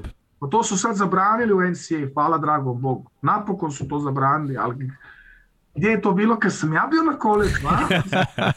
Stara E, generacija. Ali vidiš gde te je odvelo? Na dobar put. A nema šta, e, je li je to bilo pametno i dobro za, za nas kao sportiste? Nikako, ni blag, ni veze. To je ono tipično, mi smo to već toliko dugo radili, to neće se promijeniti. To je uvijek tako bilo. Da. Ako su mogli klinci prije 50 godina da... da Možeš i ti sad. da možete i vi. A što su nam otpadali noge, što nam performance nije bio tu gdje je mogao biti, to je to nikoga ne zanima. A i onaj moment koji si rekao, 16 ofanzivnih linjaša, a treba im, koliko im treba? Osam, Osam. osam u Da. sezoni. Osam u Osam, sezoni. sedam, osam. Znaš, treba katovati pola. Znaš, Pa neke katovati, nateraš. Budu scout team, oni freshmen, a redshirt Mm. postanu. Da. Koliko ide ljudi u- u redshirt? Pa ja sam onda bio redshirt, jer su mi rekli, you're good, but I cannot trust you for 30 plays. To mi je rekao, kao dobar si, ali nemamo povjerenja Da, da. da je preko 30 playova. I rekao sam ok. I onda je imao, naš tekel imao onaj potres mozga. I on meni kaže kao, možda ćemo ti uzeti red shirt, možda putuješ u šestoj neđi. I svak bi tu po- poludio, sad godinu dana izgubiš. Jer on te uzmu red shirt i onda možda igraš jednu utakmicu i više ne igraš. A Da. da si izgubio godinu dana. I onda nap, ja sam rekao, slušajte, ja sam zahvalan što ste me poveli vamo i ako to morate raditi, urate to. Ne, ne bunim se ja. I nisu, nisu, hvala Bogu. Nisu. E, a znaš šta me isto zanima? Da li ti dok si tamo, kao neko iz Evrope, da kažeš nisi deo njihovog obrazovnog sistema i sistema generalno, dok si odrastao, Da li imaš neku vrstu savjetnika? Znaš šta, kako saznaš sve te stvari? Ono kao red shirt, ne znam ovo, ne znam ono, Pa ja sam- a, gde možeš, šta ne možeš. Ja, savjetnik imaš onaj NCAA rule Uh -huh. taj je volki debel, ja preporučujem svakome da to pročita, da te mogao neki trener eh, manipulirati ili neku Je li imaš neke skripte da, da, da, ima. podeliš? svaki trener ima test u toga, o tome svake, svake dve, tri godine oni moraju napraviti test jedan. I, I eto, to da pročitate i odmah saznaš, vaspitaš se između igračima i onda kad pitaš treneru, on ti mora reći istinu, ili imaš na kampusu NCAA compliance officer, Mhm. znači osoba što radi za NCAA i kontroliše da li je sve kako treba. I tu možeš ići se vaspitati. Ali, tu, Ali iz ovoga, što si nam rekao, manje više, prepušten si sam sebi, snađi se, je tako? Da, Pročitaj taj pravilnik, ako hoćeš, ako nećeš, kako ti kažu, ono, ako kažu skoči sa zgrade, skoči sa zgrade, jer ne znaš da li to zaista moraš da uradiš ili ne. Mislim, Da. hoću da istaknem kako je zaista jako teško i onako, dosta si sam Pa- prepušten toj situaciji. Meni su dosta rekli idu u junior college prvo i dobit ćeš ponuda jer si visok i onda ćeš igrati jer si dobar. Problem je u junior college ti ne dobijaš one šine za koljeno. Sad ako se ja tamo povrijedim, još to sam moraš plaćati, gdje ti je garancija? A u junior college nije to mentalitet ekipe, nema tu jedinstvo i bratstvo. U junior Mm. college it's all for Plaćenici. yourself. Da, da. To nam je Ryan pričao isto. To je Svako baš ono cutthroat mentality. Trener i ako to ne voli i ne igraš za njega, još gore. Eto. I onda jedva igraš, nabiješ neki film. Imamo mi igrača ovde što je igrao za TCU. On nije igrao na junior college. Njega samo uzeo jer je imao tijelo. I onda na TCU igrao. Eto, a ja sam to mogu raditi, čekati, nadati se da se ne povredim. Potom je mi bio tad Sacramento State kao full ride, sigurnost od početka. Ali Tako je, nisam ja imao Brandon Collier što PPI, ja sam igrao protiv Brandon Colliera 2010. godine, prije nešto sam očeo u college 11. On je bio, tad igrao je sa mnom, išao sam protiv njega. E, sad da pričamo, da pričamo o toj drugoj godini kad si zapravo dobio šansu prvi E, put da igraš na pazi. Sacramento State. Sama, sama workouts, znači imaš one voluntarne ljetne treninge. Jesi ostao tamo? A jesam, ali to nije Pošto bilo Ilija priča da je ostao. Naš head coach, naš head coach je uzeo attendance, a to nije smio raditi, ali ipak uradio, vidio ko je došao, ko nije došao. Tako onda na izbaci na fall campu kad katuje, on iskatio par ljudi što nisu došli na ljeto. Ja sam bio 12 dana u Beč, vratio se tamo, cijelo ljeto trenirao. Nisam pio, samo sam gledao ishranu, kuo sam svaki dan, vrh, vrh, vrh shape sam bio. E, radimo sama workouts i na zadnji sama workout moj tad najbolji prijatelj Derek on dobio Liz Frank injury. Ako imaš ovde veliki prst na nozi, između velikog prsta i srednjog imaš ligament. I njemu je taj popucao i zakačio se. To traje 8 meseci da se vratiš. Ti si out za godinu dana. E, sad smo ja i moj, moj dobar, dobar, najbolji prijatelj sad, mi smo bili lijevi i desni tackle, Lars Hansen, mi smo redshirt freshman i ja i on imamo competition za starting right tackle spot. Sve ide kako treba, starter sam, radim na, na, na, na kempu, sve ovo što me on naučio na run blockingu, ponosan trener, setan Alex i padaju mi dva defensivna linijaša na zglob, low ankle sprain. Moj trener kaže, sam si kriv što nisi pomjerio noge. E, i ništa. Sula. Onda sam prvi put osjetio šta, šta znači kad se povrediš na koleđu. Prvi dan bit će sve ok, dobar si. Drugi dan, ma sad ćemo mi saznati šta će biti. Treći dan kad saznaju koliko ti neš moći trenirati, stavite na stranu ko da ne postojiš i uzme se drugoga i njega pripremi, jer on mora biti spreman za utakmicu. Znači, ko, ko, ko u hladnu vodu te bacio? Ne postojiš, ne postojiš. Koliko ti je trajao oporavak? on je još početkom mislio da ja glumi, da ja, da ja hoću pauzu. Ništa, 11 dana sam uspio, ali sjebao sam zglob. Pa, Žrtvovao sam tu nogu, dobio sam onda operaciju, ne, na taj nisam dobio operaciju, na drugi zglob sam dobio. Na, na taj je bio ok. Ništa, 11 dana i onda spet job. Igrali smo protiv uh, New Mexico State University, pola-pola, repovi. Imao sam pancake jedan i jedan holding, nepotreban. A ovaj drugi imao dva foul starta, isto jedan pancake. Znači ide, malo smo nervozni, ali ide. E, sledeća utakmica Colorado Buffaloes. To je jedna utakmica koja nikad neće zaboraviti. U srijedu smo naveče uvijek imali uh, trening u 7 sati naveče, Wednesday night practice. I nama bio fin trening jer je bilo raslađeno malo. I ovaj tekel što je bio sa mnom u competition je bio starter za tu nedelju. I prespavao je, zakasnio na taj trening. Znači, on je imao punishment, nije mogao da sjedne dva dana na stolicu. Šta su radili sa njim? I trener je tad došao, to je zaboraviti, ufatio ovako za masku i rekao je, I hope you fucking ready. I baci mi masku nazad. Ja ovako stojim. Ništa nisam rekao. E, ja sam bio starter za tu utakmicu. Idemo u Colorado, glob ne boli, Boulder, taj stadion, čoveče, stanemo na ulazu, imali su Bizon. Bizon koji je napravio krug. Ralphie the fucking Buffalo, ej. Bizon. Ništa, ulazimo, i to je bio od uh, coach Embre, što je bio head coach mm -hmm. u njegov stari brat. Da, da, John. On je dobio otkaz week 3 kad je Fresno State i ubio 76-14, tako nešto.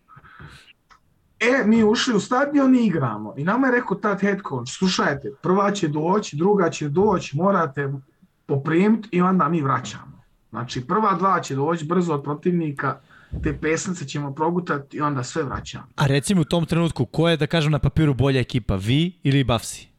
Mi smo bili bolja ekipa. Bolja ekipa. Da, po atletici, po tijelu i veličinama oni, a mm -hmm. ja sam. E, moj dolazi, moj minuli trener kaže, imaćeš uh, Čuriso u Dibe, Nigerijanac jedan, NFL skautovi će doći da ga gledaju tu utakmicu, samo da znaš, jesi spreman hoće da mi malo trnta s glavom. Ja rekao, neka dođe dečko, samo neka dođe. Bio je, kaže, na rostoru piše 235 fundi, znači 107, 106 kila, kaže, on će biti 100% 100 kila. Znači, nećete uzeti na bulraš, samo će brzinu koristiti. I to je radio. Išao sprinter, stance, white five i pičio pun gas. Tu utakmicu je imao nulu, nula, ništa nije uradio. I mi smo onda igrali, igrali i onda smo imali jednu zadnju seriju i u polovini on kaže izvaćemo tebe za jednu seriju, stavit ćemo drugog tekela. Došla mu familija iz Colorado, svi su mu došli, ajde i on igra. I imao je u dva serije, imao je dva missed assignments. Pogrešio na ran, išao na pogrešnu osobu, opet njega vadio, mene vratio. I tad sam završio utakmicu i pobjedili smo protiv Colorado Buffalo sa last second field goal. To se treba vidjeti 63.000 ljudi buka, ne možeš da vjeruješ i odjednom tišina. Samo čuješ tamo u jednom ćošku 20-30 sex state ljudi, ljudi, je, a cijeli stadion tih. A na stadionu muk. Muk, ej, isprazio se stadion za roku 3 minuta, bio praz prazan i ekipa nam nije ni pružila ruku. Oni očeli direktno sa terena. Sacramento, e sad, va, samo da, da kažem, vaš stadion je bio manji, oko, koliko je, 25, 11, koliko sam je, 20? 11, ne, ne, nama stadion bio 11-12 hiljada. U čoveče. Znači to je sad malo veće. Aluminski, aluminski stens ogromni su stavili, nije to ni bio stadion, kao novi neki da. stadion napravili, ali Problem je Sacramento State, nije to bio tipični američki fakultet, to je bio commuter school. Znači, ponedeljak, srijedu dolazu svi za te predmete što žive van Sakramenta da urade ovo pored posla i onda idu kući. Ne žive puno na kampusu. Mm -hmm, Kampus je bio malen, smo imali 28.000, ne, 48.000 studenta. E, a ti svi, oni samo dolazu kad trebaju za fakultet, njih ne zanima ništa oko kampusa. E, zato smo imali malo manje ljudi na, toga, na, na, na utakmici, no. a i u okolini. Imaš San Francisco u okolini dva sata. Da. Onda Reno, gore, gore uh, Nevada i onda kad ideš dolje, dolje ti je sve Los Angeles sam, koju, koje imaju 5-6 različite LA County lige. Da, da. Kakav je bio osjećaj da, da igraš pred 50-60 hiljada? Po početku moram ti reći, bilo je glasno na A, se od, odseku noge. Ali, ali, išao ali, sam, a išao sam utakmic, rekao sam, toliko si sad, napokon si stigao gdje si htio da budeš. Motherfucking showtime udri, ne, ne prestaje, nemoj oproštavati nikome. I to je bilo, i bio sam i malo prljav. Došao neki buca, znači na PS blok udarim mu kratko na face mask i onda stavim ruke. I on samo ide se tamo žaliti, ref, ref. Ja rekao, ma šta ti, šta ti hoćeš? I ništa, idemo nazad. I imao sam dva, dva tri stvari na highlightu, došao neki blic, ja mu dao cut blok i on pravio salto u vazduhu i ukočio linebackera iza njega. Ma svašta nešto je bilo. Ono. I posle utakmice, poneđnika zaborav, dolazi head coach i kaže ima ovako blok mali. Kaže, all you guys always complaining about playing time and not getting enough love, let me read out three names that earned their spot this week. I onda nabroj tri imena koje imaju grade out. Ja sam imao grade out 94,1%. Kaže, this is our next starter. And he never said a damn word. He was hurt, he came back and he showed his worth. I otac sam bio starter. Znači, ipak vide šta se sve dešava, znaju da je to muka, cene na kraju, ali ono, gurajte do limita, limita, da vide da li ćeš da pukneš. Da. Znači, I kada... ko vojska, ko vojska, da. još gore. Još gore ali ima na kraju ipak i, i te slatke nagrade. Kako ti je bilo da. u tom trenutku, znači šta si sve proživio, i povradu, i rešar prve godine, i opet, opet, meni je najveća priča u stvari to kulturološka razlika, odlaziš u drugu zemlju, sve to opet verovatno. Pa i nije bilo lako, znate vi kako je kod nas Balkanaca, familija je sve, makar yes, da. kod mene. Tako pa i prijatelji. Ja, ja bi glavu dao za svoju familiju, za svoj krv. I onda si toliko udaljen Jeste, ja sam imao luksuz, ja sam došao ljeto i zim sam došao kući. Neki to nisu mogli raditi, znači ja nemam ni koliko toliko da se žalim, ali ipak nije lako. Ono kad te najcrnije, gdje samo želiš da imaš nekoga pored sebe da se ispričaš ništa, čekaj 9 sati to. pa idi na telefon, 9 sati razlika. Nije bilo lako. A jesi, bilo lako. je tvoja familija... Svak što to želi, ja im to kažem. Znači, ja se dobro predomislio, ako bi ja mogao ukrenuti vrijeme unazad, dobro bi se predomislio da li bi išao tamo i da li bi to opet htio vratiti, jer jeste bila neka patnja, ono, vratiš se iz Beča, iz aviona i znaš da sad devet nedelja imaš one sama workouts, on te ne plaći i moraš naći se neki posao, moraš se sam hraniti.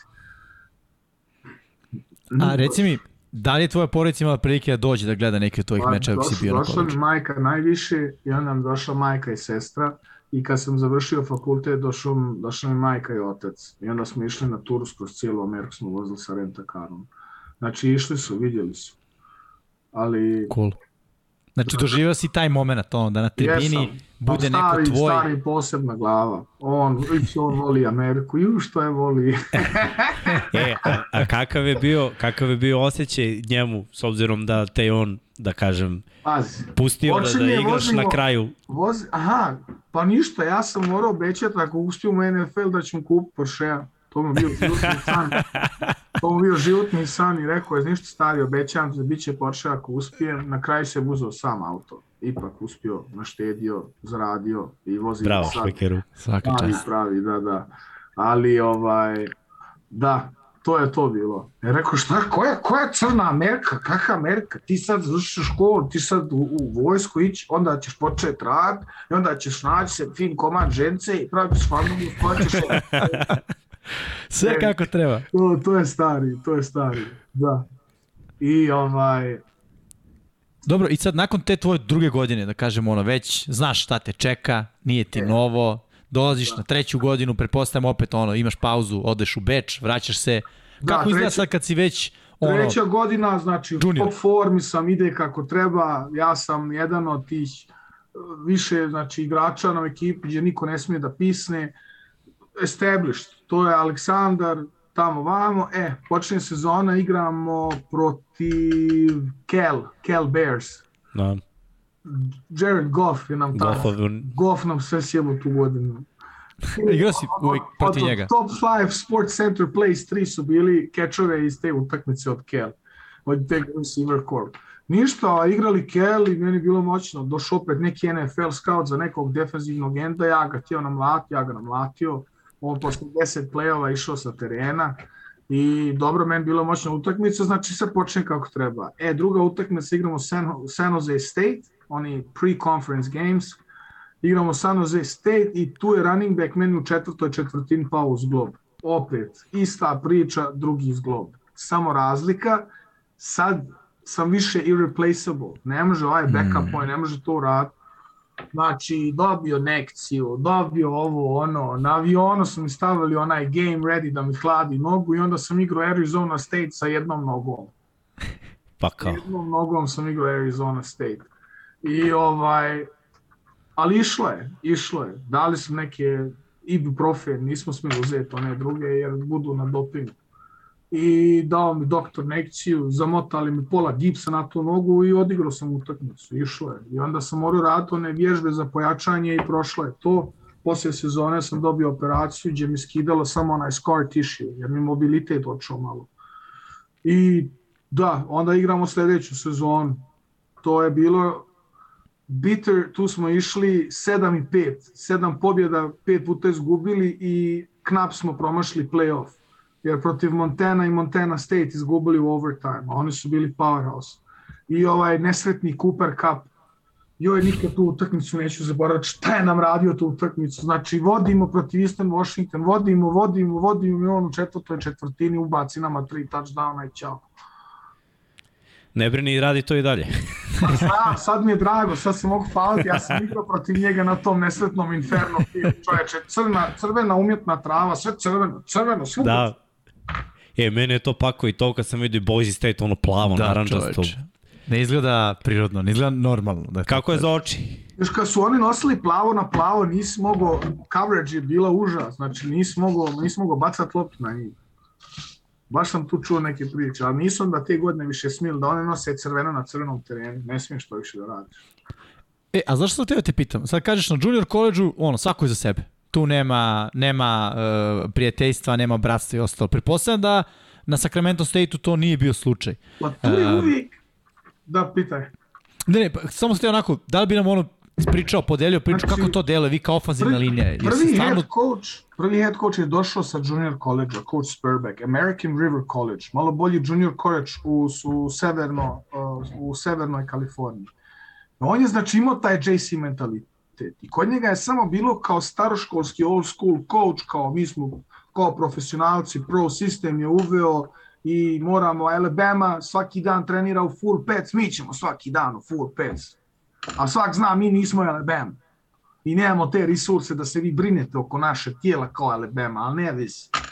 I onda, kad je on bio, nije tu bilo neki neki moto, uvijek ima neki moto što se uvede. E onda je došao onaj hrišćanski trener, coach, uh, kak se zvao, coach Spears, I oni onda kao imamo ona četiri slogena i te moramo ko, ko propaganda su nam to uštampali u glavu. Šta su? What are our four virtues? I svak mora nabrojati, bla, bla, bla. I mi živimo po tome i tako se ponašamo, bla, bla. Samo što oni razumiju da ste vi u sakramentu. Da, to, da je to posebna, da je to posebno mjesto. I ovaj, početkom nije bio leadership u ekipi bili su dosta igrača što su bili stari radili one stvari što nisu trebalo raditi. I onda je omladna nema, nema na što da gleda. Mi smo program bili što je malo slabo NFL igrača izbacilo. Znači, par su uspjeli, jedan je dobio Super Bowl, bivši moj cimer Todd Davis za Denver Broncosima i to je lijepo vidjeti, ali svi ostali, moraš saznati, Sacramento State je bio fakultet koji je zadnji jeo. Znači, prvo rekrutiraju Pac-12, onda Mount West Conference, i onda sve dobre škole u Big Sky Conference i onda tek Sacramento State smije dići ruči, ruku i pitati hoćeš ti doći kod nas. Znači mi buzeli cornerback što nije išao Arizona State zato što je imao uh, zato što je opljačko kuću sa oružjem u nekom hudu u Los Angelesu u Comptonu. Imamo neki running back koji je bio u foster home care, gde su mi roditelji bili uopšeni zbog prodaje droge kad imao 11 godina i od tada ih nije vidio. I takve te Kao igrači, dobri igrači. Ma jel? dobri igrači, dobre duše, to su ljudi ko ljudi, ali Da, previde ih ove velike škole zbog tih stvari, obeleže da je to problematično. Da, a mi to onda pokuplja. Onda iz junior college bi uvek poveli 4-5 likova, što još uvek uvedu onaj jebeni junior college mentalitet. I tako onda to se razmiješa ponekad bolja godina, ponekad slabija godina. A je moguće da se napravi taj neki timski duh? Recimo, ajde samo da se fokusiramo na tvoju grupu, ofanzivna da, linija. sad Vikings, mi smo, mi smo the most tight, tight ekipa, mi smo familija prava, znači najjači, najjače, najjače, najjači osjećaj što sam ikad imao u bilo kojoj ekipi je sad ta sadašnja ekipa što imamo. Da. U Vijene Vikingsima. Da, Vijena Vikings. Mada to je, da. A Jer vidiš po svima pit... drugima kako pokazuju prsti, kako se napadaju. Kod nas to nema. Next play, let's go, you got this. Come on. Mi vjerujemo da. u tebe. Je bilo bar u jednom trenutku na koleđu tako? Pa jeste, ona ekipa gdje smo išli 7-5, gdje nam bio Garrett Saffron quarterback, što je igrao sa mnom u Beču, što je sad u Japanu. Da. Tu, smo mhm. imali, tu smo imali top grupu sa leadership. To smo imali jednog safety sa USC i on je uveo, uveo on, on kad, white boy bio, on kad je rekao tišina ili će šamarat, on će to pao čamer i onda ćeš da vidiš, radio MMA, lud čovjek, ali imali, imali smo taki oni što je miran i sve ok, ali kad počneš da se tamo praviš budalu, odmah te stavi u tvoje mjesto. I te trebaš imati par u ekipi. To ako imaš, to vredi zlato. Da, ljudi, ljudi koji se nisu bavili sportom ovim, da. ne kapiraju da je totalno drugačije od, od svih sportova, jer ipak yes. imaš i skill pozicije, prvo ofanzivna, pa, defanzivna linija, pa ovo iza, znači to je 40 ljudi minimum i onda mm. svako od njih je svoj, svaka pozicija otprilike ima, da kažeš, neki opis i sve to treba ujediniti i sve to treba da klikne o, kako treba. I mislim, treneri takođe igraju veliku ulogu u svemu tome, kakav će sistem da implementiraju i kakvi su oni, koliko ih igrači poštuju. Mislim, i sad i sve to ima uticaj da. na ovo, pa onda tek igra uspešnost, koliko tek to ima uticaja na, na u stvari tim, jer ako si neuspešan, onda će biti razdor, ako sve ide kako treba, odmah nekako su bolji i odnosi. Kako ti se čini da, eto kažeš 7-5, to je bila bolja sezona, to je bila najbolja dok si ti yes. bio na Sacramento State? Jeste, jeste.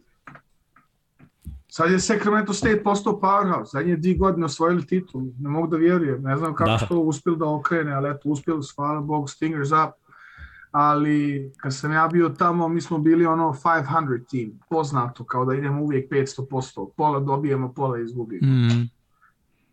Pa budu uvijek, ovaj, pitanje su povrede u pogrešnom trenutku, ono neko se povrijedi, tu smo imali vel, vel, veliku nesreću, jedne godine očeo quarterback što je bio dobar posle druge, treće utakmice zbog neke gluposti, nije ni u treningu se povredio. Ove druge godine tough losses, je, što da kažem, ekipe kao Montana, Montana State, Eastern Washington su bili više disciplinovani i mentalno u glavi jači, jer ipak su oni putovali tamo u jesenu, već moraš nositi duksu, oni sad dolazu kod nas 30 stepeni u oktobru.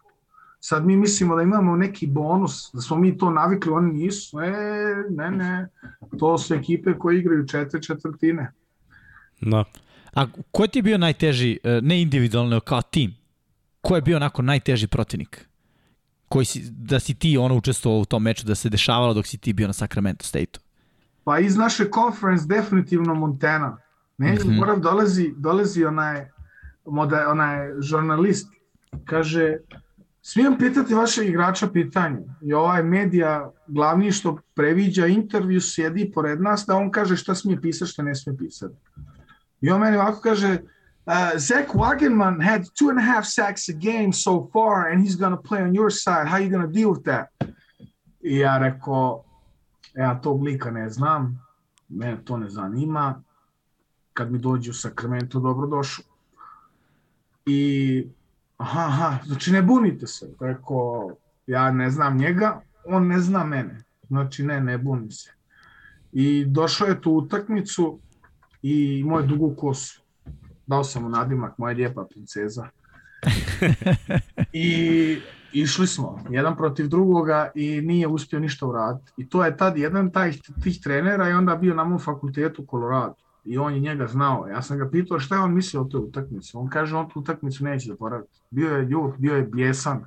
Bjesan je bio. Rekao dobro, dobro, ušao sam mu znači u glavu. E, ajde da pričamo malo o toj odluci. Znači, već si se uspostavio kao vođa na Sacramento State-u, imao da. si dobru karijeru tu, dolaziš do seniorske da. godine. Uh, otkud odluka da se prebaciš, da li je bilo ono samo ok, hoću da vidim nisam nešto se, drugo? Reći, reći kratko i jasno, nisam se dobrovoljno prebacio. Aha, Aha. znači bila je neka off, priča. Off the field issues. Bilo je nešto što se desilo u mojoj kući i to su rekli ne može, ne mogu ostati. Morao sam mijenjati program. Ok, i kako je sad iskustvo na Colorado? Ono, rekao si već kad si igrao prvi put Pa moj uh, glavni tamo... trener, coach Spears iz Sacramento State, njemu išla suza kad, je, eto, kad, se, kad smo se pozdravili i on mi onda rekao, imam jednog lika, hoći da igraš za njega i on će se brinuti oko tebe. I on je bio sa UNLV, University of Northern Las Vegas. uh, Tim Rosenbach, bivši second round draft pick quarterback za Arizona Cardinals. Mm -hmm. I on je imao svojih problema tad i ti ih rešio i ovaj, bio onda trener. Sad ja sam mogao odlučiti, bili su par fakulteta, malo bolji isto, ali nisam htio ići u to mjesto. Išao u Colorado jer sam mislio ono brda, ljepota, ajde da vidimo. I ode onda na Adams State University Division 2 i oni su igrali u jakoj konferenciji, ali su oni bili slabija ekipa. Tamo su igrali CSU Pueblo, od njih par igrača su igrali za Vikings i ovaj, oni su bili powerhouse u Division 2, znači national title su osvojili godin dana prije toga. I došao sam tamo na 2400 metara nadmorske visine. Znači, samo su dva stadiona više od ovog stadiona gdje sam ja trenirao. I ništa, došao sam tamo odmah na ugrijavanje u teretane, na samo workouts, ja ispovraćao dušu. Nikako mi nije dobro. Tanak vazduh. I onda na conditioning isto bilo patnja. Ali kad sam došao onda u formu posle 12-13 dana, kad sam se navikao i aklimatizirao, kondicija, znači sad znam što iz olimpijskog ekipe svakoga šalje tamo da treniraju. Da. da, mi stalno pričamo o tome kad se igra na Mile High za Denver koliko u stvari to da, njihova Mile prednost. Mile High je 1800 metara, ovo su da, da. 1400, znači to je još jedno gore, još, još više gore. Znači možeš da potvrdiš da, da je e, pakao. Došao, došao sam tu zimu, kući igrao sam basket 4 sata, nisam bio umoran. da. Nisam znao šta mi se dešava, popio 10 piva, nisam se mogao napiti. Ja, ja se sećam kad je BJ Rađi, ako ga se sećaš što igrao za Green Bay, bio je no tackle. Da. Kad je valjda istrčao neki, pokupio fumble, istrčao 60-70 yardi tu, disao je tamo kiselnik na sideline da. na mile high-u, pa sledećih 10 minuta, znači mogu da zamislim kako je kad, kad ljudina se, se umori tamo na, na toj visini. Ali dobro, mislim, to vam je bila do nekla prednost protiv drugih ekipa. Kondiciono. Jeste, jeste, apsolutno. Došla ekipa iz Teksasa u četvrtoj četvrtinu, on počeo da povraća na svoju ruku. Izašlo mu ono naranđasto nešto, Gatorade, neki, neki od onog mizli, granulate, neke, svašta mi izašlo na ruku. I on mene ovako gleda crvene mu oči, samo gledam, sad si moj, sad si moj, šta ću da ti radim? Znači, svaki put kad sam vidio da im je bilo teško disanje, ja nisam, sti, ja nisam s gasa spustio. Iskoristio sam tu bušu. E, ajde pričamo o toj godini. Šta, kako, kako je to prošlo do kraja? To je u pa, stvari bila tvoja poslednja sezona u Americi. Došli su mi skautovi tamo, devet komada su došli, devet različitih ekipa. Skautovi pričaš o NFL? NFL, da. Svake nedje, tu utorak 8 sati ujutro mene zove trener, dođe biro sledeći skaut je ovdje će da priča sa tom. I da, pričao sa njima, oni su mi svi rekli vidimo te kao NFL guard, ne kao tackle, rekao ok. I da, zvali ti na OTAs, ali da vidimo kako se završi sezona i zato što sam transferirao u Colorado nisam mogao transferirati sve units. Od 120 sam samo mogao transferirati 90. Znači nisam mogao ta jesen u zadnjoj sezoni da završim faks, nego sam ga završio onda u proljeće sledeće godine. Ništa, završio sezonu, dobro odigrao i bio sam poznat u ligi kao prljav, prljav igrač, jer ovaj, dobio sam skoro svaku utakmicu unnecessary roughness, nepotrebna tvrdoća. Te sam zaradio, ali dobro, šta ću kad, kad je taka liga, šta šta da im radim. A kako izgleda taj moment kad te pozove ono NFL scout, kao ej, dođi, popričamo. Pa Znaš, fino, šta, šta neki, su bili, neki su bili ljubazni, oni stariji su bili ljubazni, oni mlađi su radili psihotest. Mm -hmm. Znači, sve te pitaju, sve o tebi znaju. Kako teku, kako, kako teku ti znači, razgovori? Pa bude isto, ono, ispričaj šta se desilo, šta si radio, roditelji, familija, kako ti je sa psihom, kako si u glavi, čemu razmišljaš, neka spektna pitanja su bili ponekad i onda moraš pričati sa njima i uvijek dati iskreno odgovor. I onda dobiješ te isto, mi te vidimo u toj poziciji, to, to se nama sviđa, na tome i na tome moraš još da radiš.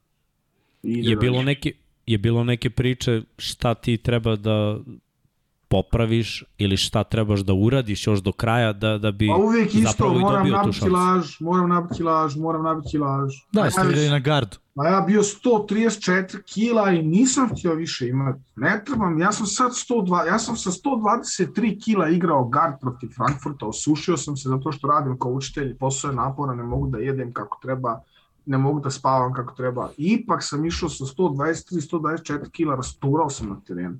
Ali tamo je ipak drugačije, kilaža je kilaža. Tamo imaš tijela, to su mutanti. I tu su mi rekli kao moraš na 142, 145, moram još nagore. Da, A mora, i više mora se puno priča, jer rekli su, rekao je moj head coach, ima neki razlog što su tebi došli osam u ovu vukojebinu Alamosa na brdo, gore su se penjali samo da tebe vide.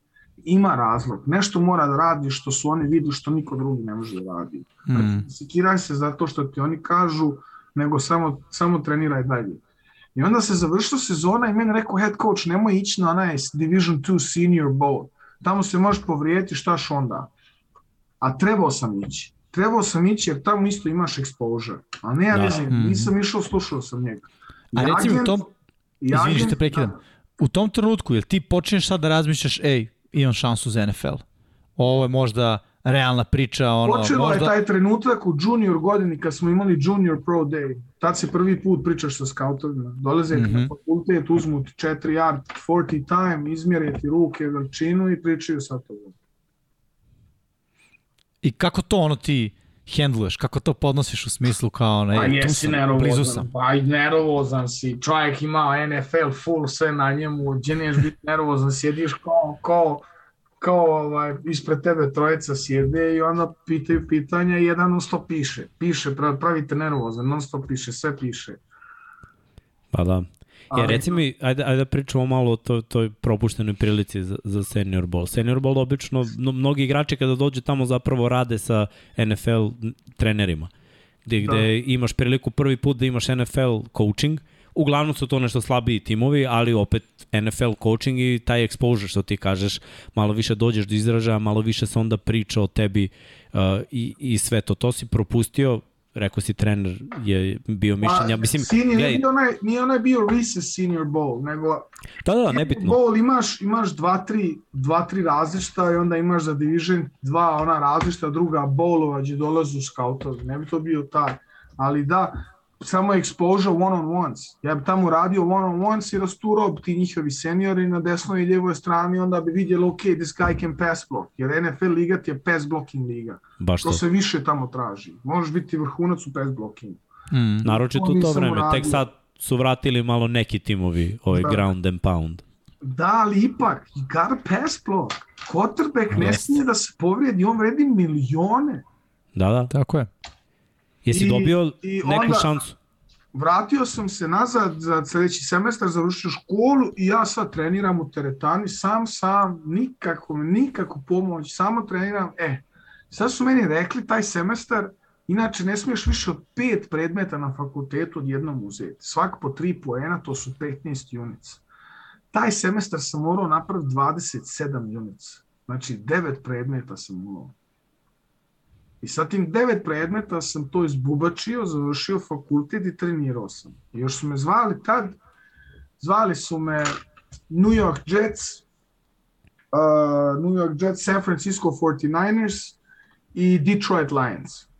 Zvali su me, mi ćemo sad imati OTA camps, ako se odlučujemo da te pozovemo, to je bilo nedelj dana posle drafta, ako se odlučujemo da te pozovemo iz kojeg aerodroma da te uletimo. Znači mi ja rekao iz Denver International, vozim tamo 4 sata. Ok, kako ti je sa školom, rekao imam još ovaj semestar, ali sve radim kako treba i predaću svoje, svoj rad i možete me pozvati, pričao sam sa profesorima, nije problem. Ok, ok, može. Eto, taj sam razgovor imao sa tim tri ekipama i onda više se nisu javili. I onda me zvao moj head coach, ne mogu da vjerujem da su uzeli onog kretena sa Montana State, a da tebe nisu pozvali. Svak zna da si bolji od njega. Ja rekao, nema veze sad. Onda moj agent, tu sam se zajebao. Agent, to ti je, sve ti je agent. Pola, da, to, to ja Baš sve kažem. ti je agent. Sve I za ti je košarku. agent. I za američki futbol. Agenti koliko guraju, brate, Kristen Da. Kirk dobio zna? 18 milki. I koga zna? I on je bio da. advokat iz Bostona, prijatelj od jednog trenera što je igrao isto u Beču, što je D-line coach, njegov prijatelj iz Colgate University. On je bio advokat u Massachusettsu u Bostonu i imao je svoju agency. A on nisam ja znao da on imao igrače gdje nijedan nije uspio u ligu do sada, a tri godine već radi to. To mi niko nije rekao, nego rekao to je dobar lig, prijatelj moj, jav se njemu. E, on je meni rekao da kad me zove scout, scout me, ne, kad me zovu ekipi, one me pitali ko još priča sa toga. I tu mi je rekao da laže. Na broji 4-5 ekipe nemoj nabrojiti samo te tri što ste, što ste zvali. Ja sam rekao, jeste vi sigurni? Ja nemam dobar osjećaj po tome, jer ja znam da oni se znaju i oni pričaju. Kaže, mm. ne znaju, to reci. E, to sam rekao. Sad ja ne znam da li su oni znali, znači htio sam dići svoju vrijednost, da sam njima rekao šest ekipa priča sa mnom, a ne tri. Da. Znači, he's lying, laže.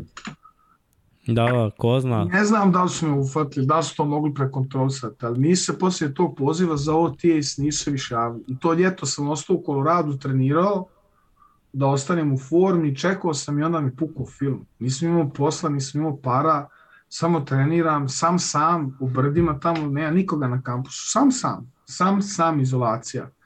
I onda sam rekao, nećeš odja u ako meni zove NFL ekipa, može me zvati u Beč, imaju moj broj. I onda sam otišao u Beč u augustu. Na koliko sam vidio, posle toga si igrao za, za Vikingse? Bio u augustu, posle toga je bila ona izmišljena Australijska liga. Ako se da, da. Sećam se te priče. To je bila neka velika mučka. Trebao sam ići u Golden Coast ja se već pripremio, odjeo u Australiju, ko vas šiša, tamo ću dobiti 2300 mjesečno. I, ja mogu da ti kažem jedan fun fact. Da. Videli bismo se u tom Gold Coastu. I ovaj naš coach je bio. Videli bismo se, da, da, da, da. Pošto sam Ali, ja imao poziv za to da budem ja DB coach. Ja vidio snimak kako tamo izgleda. To je bila Nerealno. lijepa priča, brate. Yes. To je bila lijepa jedna priča. Fantastična jedna priča. Koja se nije... Fantastično, ej. Još ja mislio sa strane nešto napamet tamo zrad, bit će vrh vrijeme na plaži, boli me uvo, sve Jest. gleda moderno, čisto, novo. Ali je bilo too good to be true. No. Ma Ostalo je samo priča. too good to be true. I onda Baš sam to. se vratio, onda sam se ovaj, javio kod uh, Saveza da idem u onu sportsku vojsku. I oni kažu meni ti si 25 godina, nije ništa od toga, to samo dobio klinic 18-19 godina ili ako igraš za reprezentaciju. I onda sam rekao može. I onda sam pričao sa Vikingsima i bivši trener mu je rekao šta ćeš da radiš, ćeš da ideš se, koje pare hoćeš da igraš. I Braunschweig me ta tijelo povesti, imali su tu sezonu, su dobili GFL, ali sam ja već zakasnio za prijaviti igrača. Mm -hmm. Ja sam rekao, odjel u Australiju, neću ići u Braunschweig ali mogao sam tada osvojiti tamo titul. Ne vezi, u Vikings i onda onda u Vikings 2017. godine vrati se Alex i svi oni hejteri, svi oni hejteri jedva čekuju da me dobiju na treningu i nisam svi tuku. Sve sam vratio, sve sam vratio. Ali da, bilo je fazon, dobili ste po onu stvari od Raidersi, niste osvojili titulu tri godine, e, sad ćemo se vratiti, sad će se to promijeniti. I tu godine smo dobili titulu sa Kevin Burke, imali smo baš finu sezonu. Da, ja sam često komentarisao baš Raiderse, ovaj, bilo jednom radio sam i, i tekmu Vikings i Raidersi s obzirom da, da se igralo i baš su Raiders imali u jednom trenutku onako dominantnu generaciju, pa evo i da. Sandro se našao na kraju na rosteru na NFL. On, on mi je onako bio na, na, na prvi pogled uh, najviše NFL redi od evropskih igrača na skill pozicijama koje sam ja video za sve ove godine i igranja i gledanja. Da. Je, možeš da kažeš o tako, s obzirom da pokušavamo i do njega da dođemo iz, iz tvog nekog ugla, Pa ja ga da, vidim da li... sad, sad u sredu će doći u Beč, rekao sam četvrtak te vodim na ćevape, nemoj da me se kaže on, u četvrtak sledeći nedelje se vidimo. Odlično. Ka, kako je, ajde ovako jedna druga stvar, izvini Miksa ako sam ti prekinuo misao. Ne, ne. A, Čini mi se da je taj, e, ta zajednica e, američkog futbala u Austriji baš dobra. Da je onako na nekim zdravim osnovama, da vi koliko god kad izađete na teren obučeš ljubičasti dres, hoćeš da pobediš svako ko je preko puta tebe, što je logično, hoćeš da digneš trofej na kraju dana. Čini mi se da ipak nekako onako vi kao igrači imate neki jako dobar odnos. Sve kažem, to je onako sa, potpuno sa strane, ne znam ništa kako je unutra, eto tamo nam ti reci da pa, se ja varam u reprezentaciji meni uvijek bilo tako, oni su mene zajebavali što sam ja Srbin, znaš, sumvčuš, pa šta si sad, jesi ponosan Srbin ili si ponosan Osmijanac, znaš. Ja sam šutio, šutio. Neko, bez ovog ponosnog Srbina ovo ofenzivno nije ne bilo ništa, ali eto, šut, Alex, šut, bud mudar, budu pomata, pusti, zavidni, neka što budu što hoće. Eto, ali su uvijek bili par igrača što sam, što, sam, što imaš dobar odnos. Ali ja mislim u tom slučaju Sandro je running back, ja sam ofenzivni linijaš. Ja, nikad, ja ne, ne, ne sećam, ja mislim da sam nikad nisam blokirao za njega. Ali on, on njemu je drago što sam ja toliki uspešan linijaš, jer on voli dobre linijaše, jer je dobar da. running back, a meni je drago za njega, jer od početka kad je to počelo, ja sam njemu pisao poruke kad je bio u kemp, kaže, brate, to, to, to, to, to ćete očekivati, to se pripazi i samo radi i budi prvi na placu, idi zadnji s placa. To se odmah primijeti. Samo to radi. Meni uvijek bilo drago za njega i prije toga uvijek u dobrom odnosu i sa njegovim bratom. Znači, sa dobrim igračima ja imam dobar odnos. Sa dobrim. Ako Dobro, to je ta baller, priča, Ako to je ta baller, priča respekt. Da. da, ballers respect ballers. Da, give credit yes. where credit is due. I, I, I znaš šta, mislim da mnogi ljudi ovde kod nas eh, koji eh, nisu u američkom futbalu, znaš, jer, eh, znaš, ovde je to američki futbol je amaterski sport, odnosno na, niko ne igra za novac. Jel te, jedini motiv je da dobiješ respekt. Dobiješ respekt, da te neko ono prizna, da kaže, ej, svaka čast, da, da napraviš neki uspeh u toj zajednici koja nije velika, ali gde se uspeh i gde taj respekt je apsolutno sve. I mislim da je to fantastično. Mislim da je to generalno vezano za futbal, za američki futbal, i čini mi se da je tako isto i u Evropi. Ono, većina kluba u Evropi je amaterska, I, znaš, to je to, igraš za pobedu, ne igraš za slavu, ne igraš za naslove novinama, ne igraš za milione, definitivno. Da. ja, ali igraš za taj, za taj respekt. Pa i broj dva i ovaj, uvijek nova ekipa, nove igrače, baš su možeš reći da ovo ko neka fraternity, ko neko bratstvo, mm. znači po cijeloj Evropi poznaš različite igrače i onda posle dvije, tri godine vidiš ga na drugu ekipu i možda igraš sa njim. I onda pričaš, sećaš se kad smo igrali tu tekmu, kad smo vas dobili. To su, to su ti momenti. I ono kad, kad, kad sam primetio kad sam bio Americi, kad sam ja sjedno s jednom likom što ga nisam znao prije toga, a on je znao ekipe iz Evrope i ja sam znao, mi smo pričali, znaš ti tak, tog lika? Ma znam gdje ne znat, znaš ti ovog lika? Znam, znam. I tako onda vidiš ono da je svijet selo. Baš ono svak zna svakoga ili svaki nekoga već vidio i upoznao, pa to mi je ono baš lijepo na tom sportu. A i broj dva nema rasizam. Jer hmm. imaš iz cijelog svijeta ti dođu u jednu ekipu i ako ima jedno mjesto gdje nema rasizam, onda ti na terenu za američki futbol. I ako si rasista, dobćeš batne za to. Tako jednostavno. Ili neš dobiti. Ili si ti neki motherfucker koji smije biti rasist. Eto, nek bude tako. Ali, ali i, i, i to, su, to je posebno druženje. Tu uvijek dolazi ekipa, ona generacija zajedno, jedna ekipa, vidiš ga pet godina kasnije, ko da si ga juče vidio I onda se yes. ispričaš, ispričaš stara vremena, stare tekme. Yes. I, bukvalno kao da prepričavaš ono... Da. Uvijek quality time. Da. Kaže, kao da prepričavaš ovde, ovde na, na našu situaciju, ono, tako da definitivno je to ono, zaključak. Da, do sporta. Da. Ej, ajde, ajde ovako, bio si onda u Vikingsima malo, ali se otišao u Skandinaviju. To sad da. malo drugačiji mentalitet, verovatno, mislim, mi smo igrali protiv Roostersa u onom nekom finalu mm -hmm. u, da, u i protiv Crusadersa, mislim kad pričamo o Skandinavcima. Da, da. da, da, da. A, i, I nekako je, mislim, igrali smo i protiv austrijskih ekipa i, i, i nekako je drugačije. Kako si se proveo tamo, kakav je tvoj utisak u igranju tamo? Mislim, oni su te godine uh, osvojili ovu, e, dobili znači, su nas u finalu te Euroligi i onda su posle bili na visokom nivou u svom prvenstvu. Yes. I mislim i video sam i ono i pesma, i uniforme i sve, mislim malo su ozbiljnija organizacija. Znači, eto da vam ispričam inside look. Ja sam bio šokiran, šok. Znači, Vikings su odigrali sa Garrett Sefronom u quarterbacku i oni su ga hladno mrtvo odbacili. Nisu ga ni nazvali, napisali smo poruku kao nećemo ići sledeće godine sa tobom. Ja bio ljut. Ja rekao, hoću ja da budem još jednom profesionalac u svom životu. Toliko sam već igrao, nikad nisam dobio plaćeno. Hoću ja jednom da budem profesionalac. E, zove mene Garrett kada kaže, ja ćemo ići u Finsku. I rekao, šta? Kaže, ajmo Helsinki. I rekao, ajmo. On kaže, ozbiljno, ozbiljno idem. Mene zove Helsinki i šalju mi ugovor i šalju njemu ugovor i onda u decembru on meni kaže, brate, ode ja u Japan.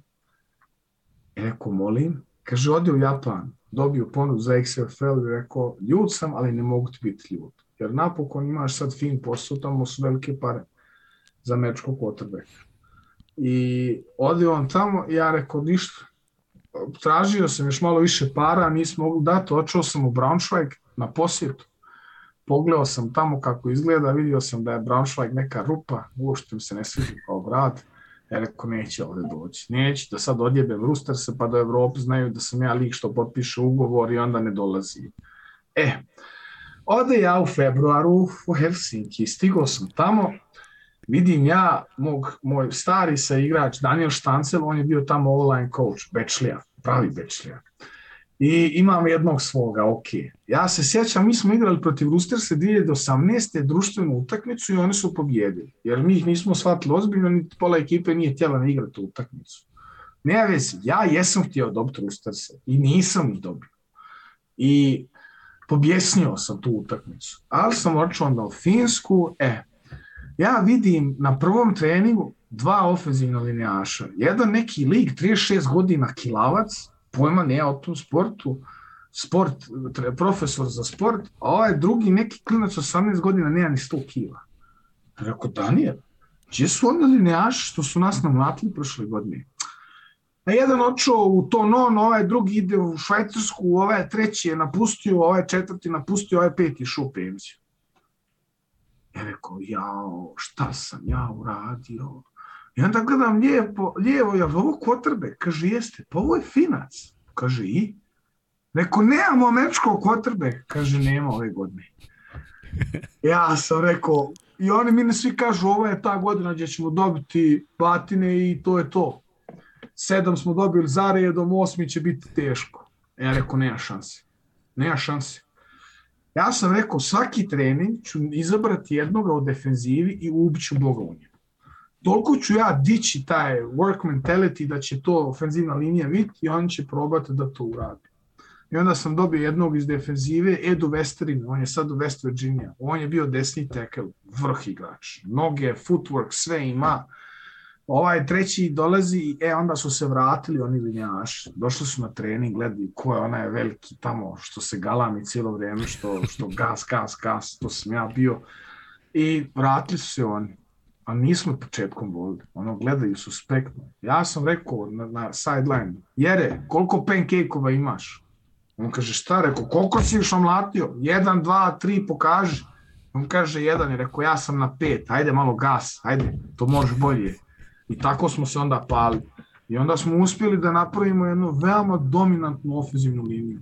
Mike se vratio iz Francuske i onda smo igrali za titulu i meni uvijek bio cilj u Finskoj broj 1, ja sam htio igrati protiv Vikings, zato sam i očuo Roosters. Trebali su igrati na ETCT. Mm -hmm. I nisu imali pare tu godinu jer su imali nov, novi predsjednik, predsjednika, šta ja znam kako se kaže, ženska bila Jeni, i ona je forsirala ženski futbol. BJ je toliko okrenula da pare nisu ostale da mi možemo ići na putovanje za IT City. To su igrači morali platiti. Igrači su ukupili, platili nama importe karte. I, i onda kaže ne, nećemo ići u Beč. Mi osvojili tri, de, te dvije utakmice, Kings of the North, dobili Kopenhagen i Stockholm i ne idem u Beč. Ja poludim. A ništa, tako je ne može, ne, ne, nismo mogli nabaviti pare i to je to. I onda smo završili sezon dobili titul. I u Finskoj sam se rekao, u sve jednoj finskoj ekipi ima ona jedan, ona jedna finska legenda, neki što je poznat da je dobar. I njega ću uzeti, njega ću maltretirati stavit ću ga na moj I tako je bilo. Sve jednu tu takozvanu finsku legendu sam fino, fino, fino sredio za sebe. Posle u penziju. Man, jednog sam poslao u bio jedan lik, kutor, 2 metra 4, duga kosa, našminkan, opasan, pajser neki. Ja rekao, e, znaš šta, veliko drvo teško pada. Sad ćeš i ti doći na red. I ništa, ako je visok, onda mu je high pad level. I on nije navikao da njegov, neka njegov gura 15 yardi pa da ga prelomi. To nije navikao, to, to niko ne radi. E, ja sam to radio. I onda mu samo gledam u oči kad ustajem. I vidiš mu očima, vidiš mu ono, Niko to nikad nije uradio sa mnom. Eto, i onda ti gledam moj oči, ustajem, idem nazad. Tako je, bre. E sad, da pričamo, gledaj, završila se, završila se ta sezona. Da. Osnovno... Ja sam video da si se ti vratio malo u, mislim, ne mogu kažem tvoje rodne krajeve, ali moram da kažem u tvoje rodne jeste, krajeve. Jeste, bilo je između... Zašto, kako? bilo između faza sa CFL. Znači, vratim se prije korone još, 2019. E, sad počnemo ozbiljan trening. Uštedio nešto pare sa strane, neće odmah naći posao i ozbiljan trening do Florence, dok smo išli u Italiju. Tamo je mm -hmm. bio CFL tryout jer Austrija nije, nije htjela da organizuje jedan. Ništa, idemo mi u Italiju, neki su išli u Frankfurt i u Italiji tamo tryout bio dobar, po meni dobar, one on ones, ras, rasterao. Svi ti italijani su došli jedan za red. I dobio onda poziv za Toronto Global Combine.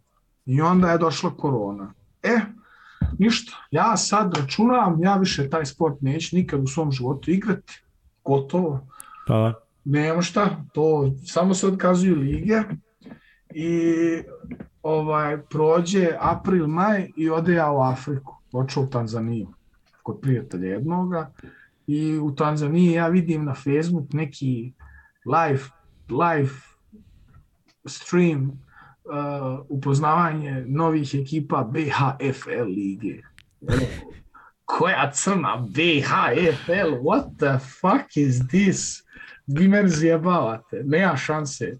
Ja sam znao da postoje oni Sarajevo Spartanci. Kad sam uvijek vidio one slike, to je bilo ono bezmisleno. Sama ekipa, nemaju protivnici, jedan nosi žutu kaciku, jedan zelenu, to je, hajde, neka bude. Imamo to i mi ovdje. Da. 2012. sam to pratio. E, jedno ima u Tuzli ekipa, Tuzla Salt Miners i oni Banja Luka Rebels. Ja gledam i rekao, ovo Karadžođe na grbu?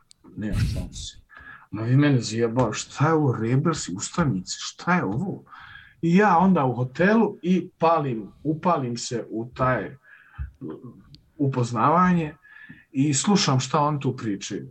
To je bilo ono prosipanje ljepote, ono tipično u Bosni, prosipamo ljepote, snimamo se kako skočimo na treningu, a pojma nemaju šta radi.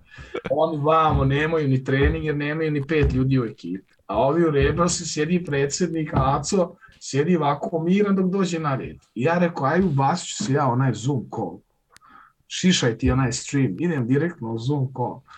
I ja odim u Zoom call i vidim ja troje ljudi i svi oni ostali u Zoom call, to, gde nisu bili tu te ljudi. Znači nisu bili četvorca, što je bila ta reprezentacija. I ništa ja slušam, slušam, slušam, ne mogu više slušati. Ja dignem ovako ruk da ja nešto kažem. Šta se moglo uraditi, znači uvesti omladinu, ono ovo. I vi primijetim njima to ne šmeka. Ko je ovaj sa strane, šta se ovde dešava? ko nam ovde smeta u ovom liku. I ja rekao, vidim ova jedna što to drži, ona me mutuje, stavi me na mute. Ja rekao, mene mutuješ? Mene staviš na mute? E, sad ćete da vidite. Ja se ugasim za ovoga, direktno zovem tog predsednika u Banja Luci. Slušajte, za osam dana sam u, dolje, dolazim na trening. Je li jasno? I oni kao, šta, šta, šta? Rekao, dolazim, igram za vas Vi ste jedina država, federacija, liga koja uopšte igra u koroni. Igram za vas, imam BH državljanstvo, ne skirajte se, imam ličnu kartu, srećemo to. I ništa, ja nisam bio import za njih, ja sam bio domaći. Ja sam bio domaći. Kako ti je bilo to iskustvo? Znači, prvo sam ja došao, dolazim tamo, sjednem s njima, momci su simpatični bili. Užasno, još vedra na show C. Sve znao o X and O's, ali dobro na terenu još nije znao. I onda sam organizovao trening i upoznao sam ekip i dobro, ofenzivni linijaši su bili veliki i teški, ali to ne znači da možemo sa tim da radimo. I onda polako, baby steps, od nule smo počeli i onda smo uveli šta ćemo raditi. Je to zanimljivo kada kreneš, ono, je ti bilo zanimljiv taj period kao ne, ono, sad si ti u poziciji da si ti coach? Pa players coach, to je najnapornije. Sam isto moram doći opet u formu, još moram se brinuti sa drugi.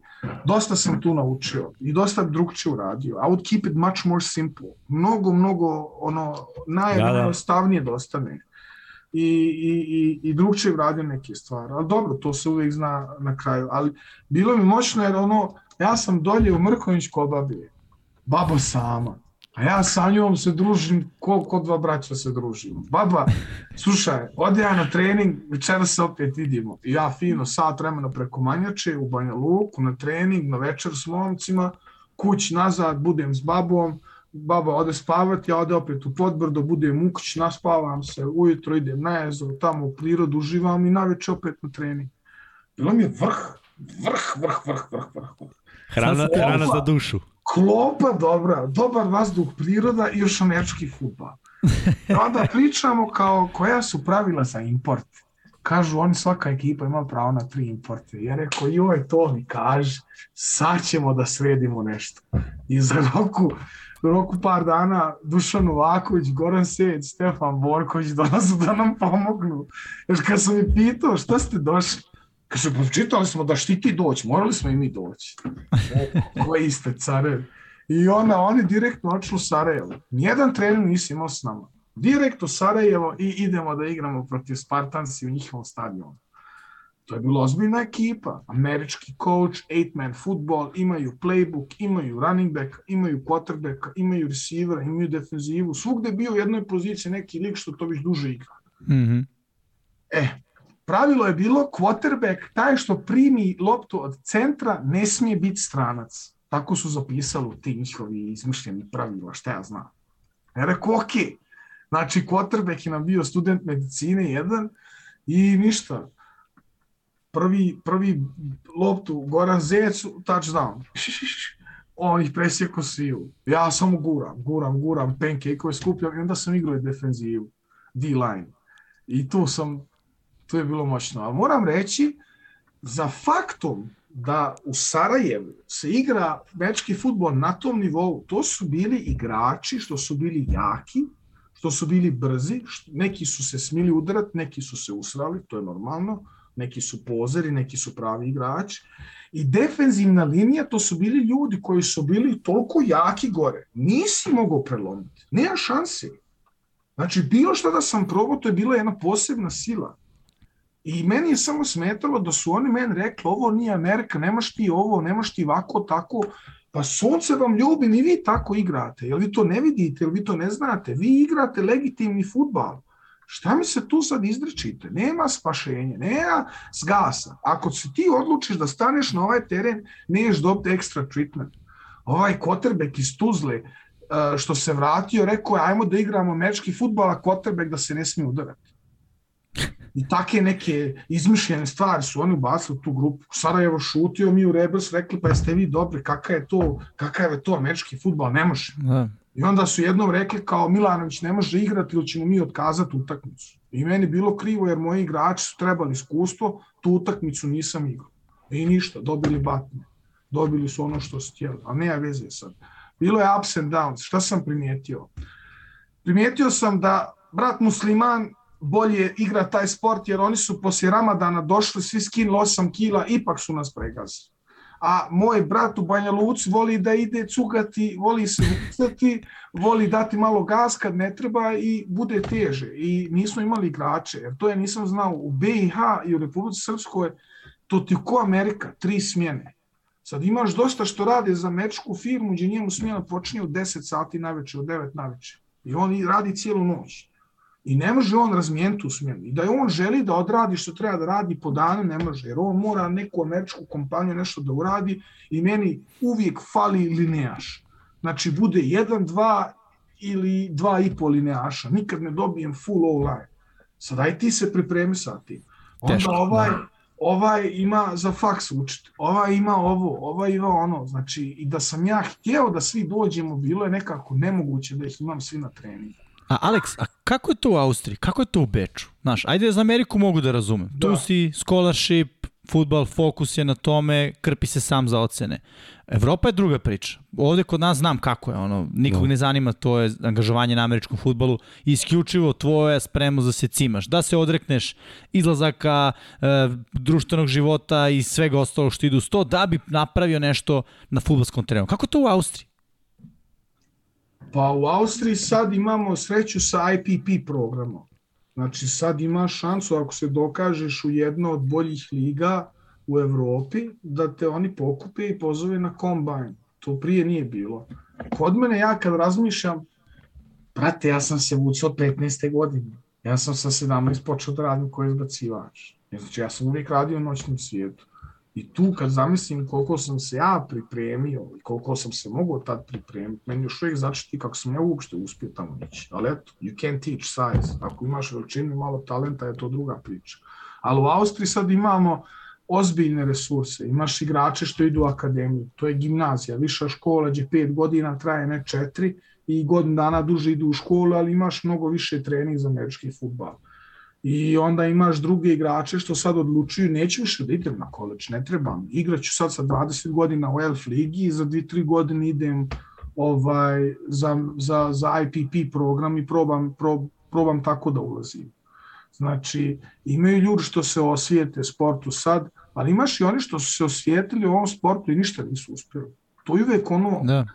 Ja uvijek kažem ljudima što su mladi, živ svoj život, živ svoju omladnost, izađi, radi ovo, ne trebaš toliko sad strogo sve, ali mora, mora biti disciplina. Ako se odlučiš da izlaziš sa prijateljima, onda znaj sutra dan na poslu da budeš i put the work in. Ko može da, da pravi parti, može da radi. Da, potrebne su odricanja, definitivno. Ne može, što se kaže, i jare i pare. Moraš nešto, nešto mora da, da, da trpi. Evo, mislim, ono, mogu da kažem iz, iz mog ličnog iskustva, uh, nešto moraš, nešto moraš da kažeš, ej, ovo neću, da. jer hoću ovo drugo. Odrekneš se jedne stvari, kod mene to onda bilo onaj društveni krug sa 15-16. Ipak to mm. djeca iz parka, znaš, to se u tim godinama se već svakakve gluposti rade. Tu sam ja morao odlučiti, hoću sad dalje da se družim samo sa švabama i sa mojim prijateljima iz ekipe malo se distancirati od tih ne toliko dobrih prijatelja ili ću opet na, na oboje stranama, na, na jednoj i drugoj strani da budem i tu sam se distancirao jer mi je bilo važno, htio sam to da uspijem. Da. I tu sam se onda baš koncentrisao na sport. Bilo je samo ško, sport i za, za, završio onu školu, jer ova moja škola što sam išao za, za građevine i to nije bila laka priča. To je bilo pet godina patnje, matematika i kalkulus i šta ja znam. I samo sam to htio dogurati. Posle treće godine mi više nije bio čev da završim tu školu. Ja sam je samo završio da mogu ići na koleđ. A, ok, ajde reci nam sad Elf tvoja priča, ova sezona, kako to izgleda, Miksa je na početku malo prokomentarisao, ali uh, ono, kako sad izgleda Elf poređeno sa koleđom, recimo, poređenje sa uh, Vienna Vikingsima pre Elfa, da li je sada teže, da li je isto, uh, ceo raspored, cela priprema, ono, kako to, ajde kređemo to, kad krećete sa pripremom za, za Elfa, kad su Vikingsi oni imali prvi trening za sezonu 2022? Um, prvi trening, znači počelo je, uh, fazon je bio taj, imamo voluntarne treninge, jer ti faktički do 1. maja ne trebaš doći, jer tvoj ugovor počne 1. maj.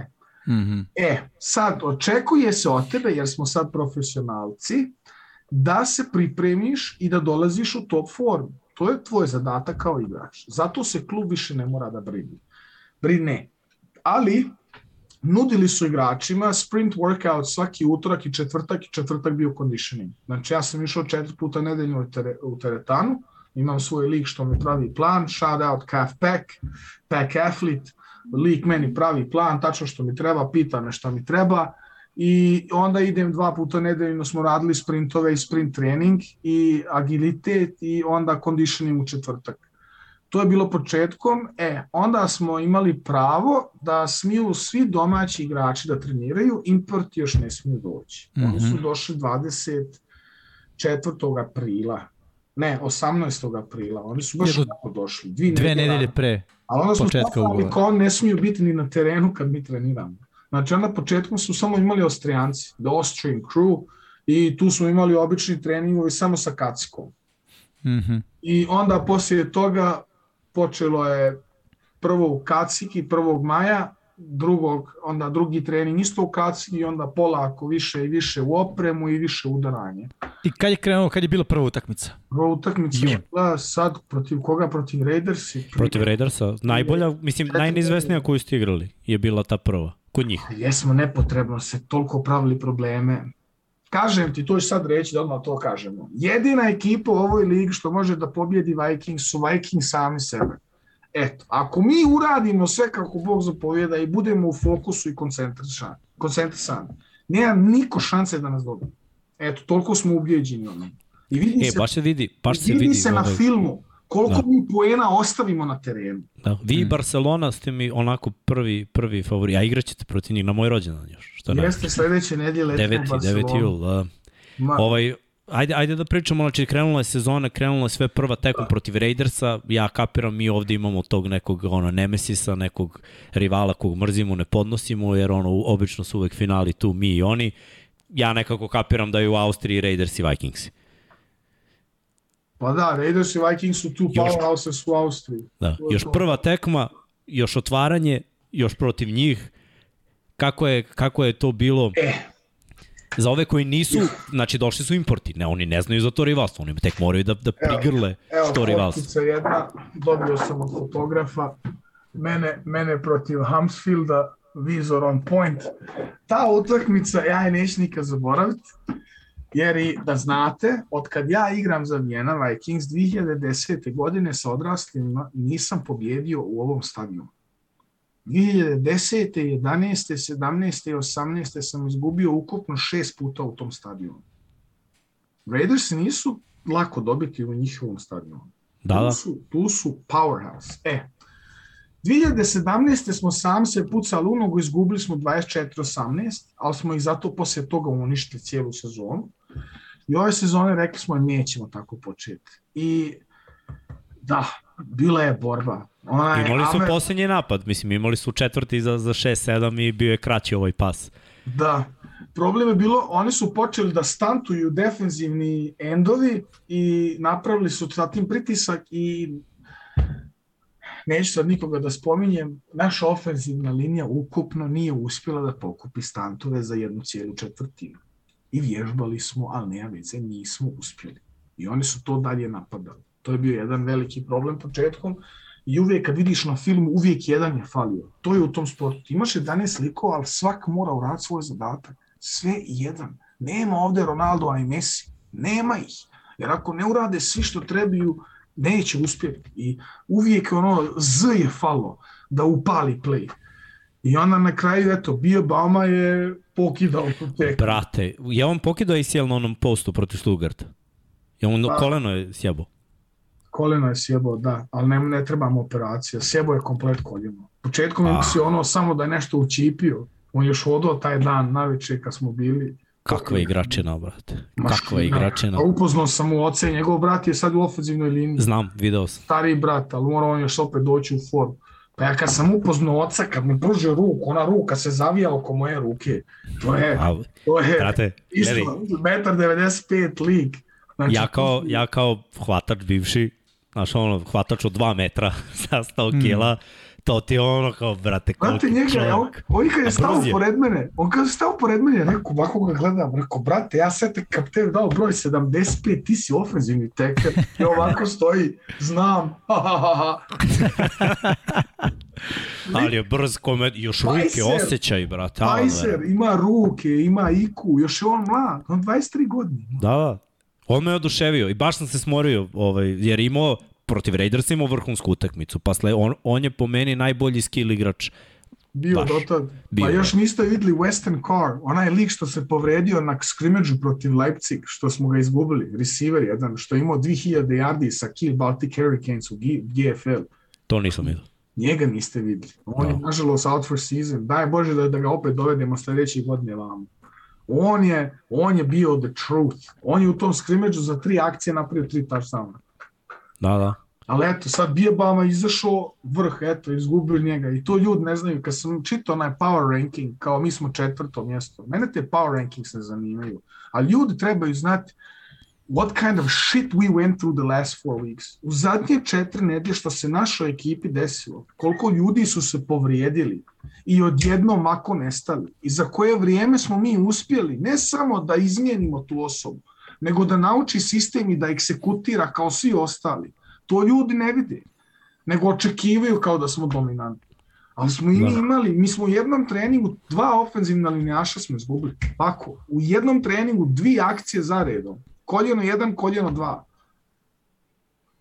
Reci mi koliko veze to ima sa, sa dubinom na pozicijama? To je ono to je, to je do, do čega smo došli. Jeste, mislim, ja koliko vidim na terenu da deluje da imate zaleđenu jako dobre igrače koji kupe koji kupe sistem, uvek ima neko novi koji mora sad da se dokaže sad u njegovoj glavi je hoće neće. To je Ali jed- rekao jedan si da je razlog, porodična atmosfera, kapiram da, da se kupi to. Da, svi, pa dobili smo dosta igrača iz drugih ekipa i mi smo ih prihvatili ko da su naši bili uvijek. To je jedna stvar. Bilo ko da dolazi, nismo mi, a ti si iz drugog kluba, ti nemaš šta da kažeš. Ne, ne, ne, sad si Viking i sad više nema prošlost, sad je ovo važno. To je naš bio, na, to je to, our advantage point. Nije samo da imamo stacked roster, znači sa talentom, ja kad sam prvi put ušao u onu slačioncu, gledam lijevo, desno, mislim sebi, pa to nikad nisam bio tak, dio jedne take ekipe. Ali onda kad vidiš unutra, mi imamo Austrijance koje su spremni. Kao, kao, kao, što je rekao Xavier, you got some motherfucking cold white boys out there as DBs. I to jeste, to vidiš ti, on izgleda kao neki mali dečko. Ne, ne, mm -mm. A i ofenzivna linija, isto radi, radi. Početkom smo isto do, dozvolili dosta sekova i nije išlo, ali sad svaku nedelju podstepeno postanemo bolji. I ova nedelja će biti sledeći test. Ova defenziva od Vročlava, to neće biti šetnje u parku. Oni igraju četiri četvrtine. I ne do Bog da Goran Zec dobije sek na mojoj strani.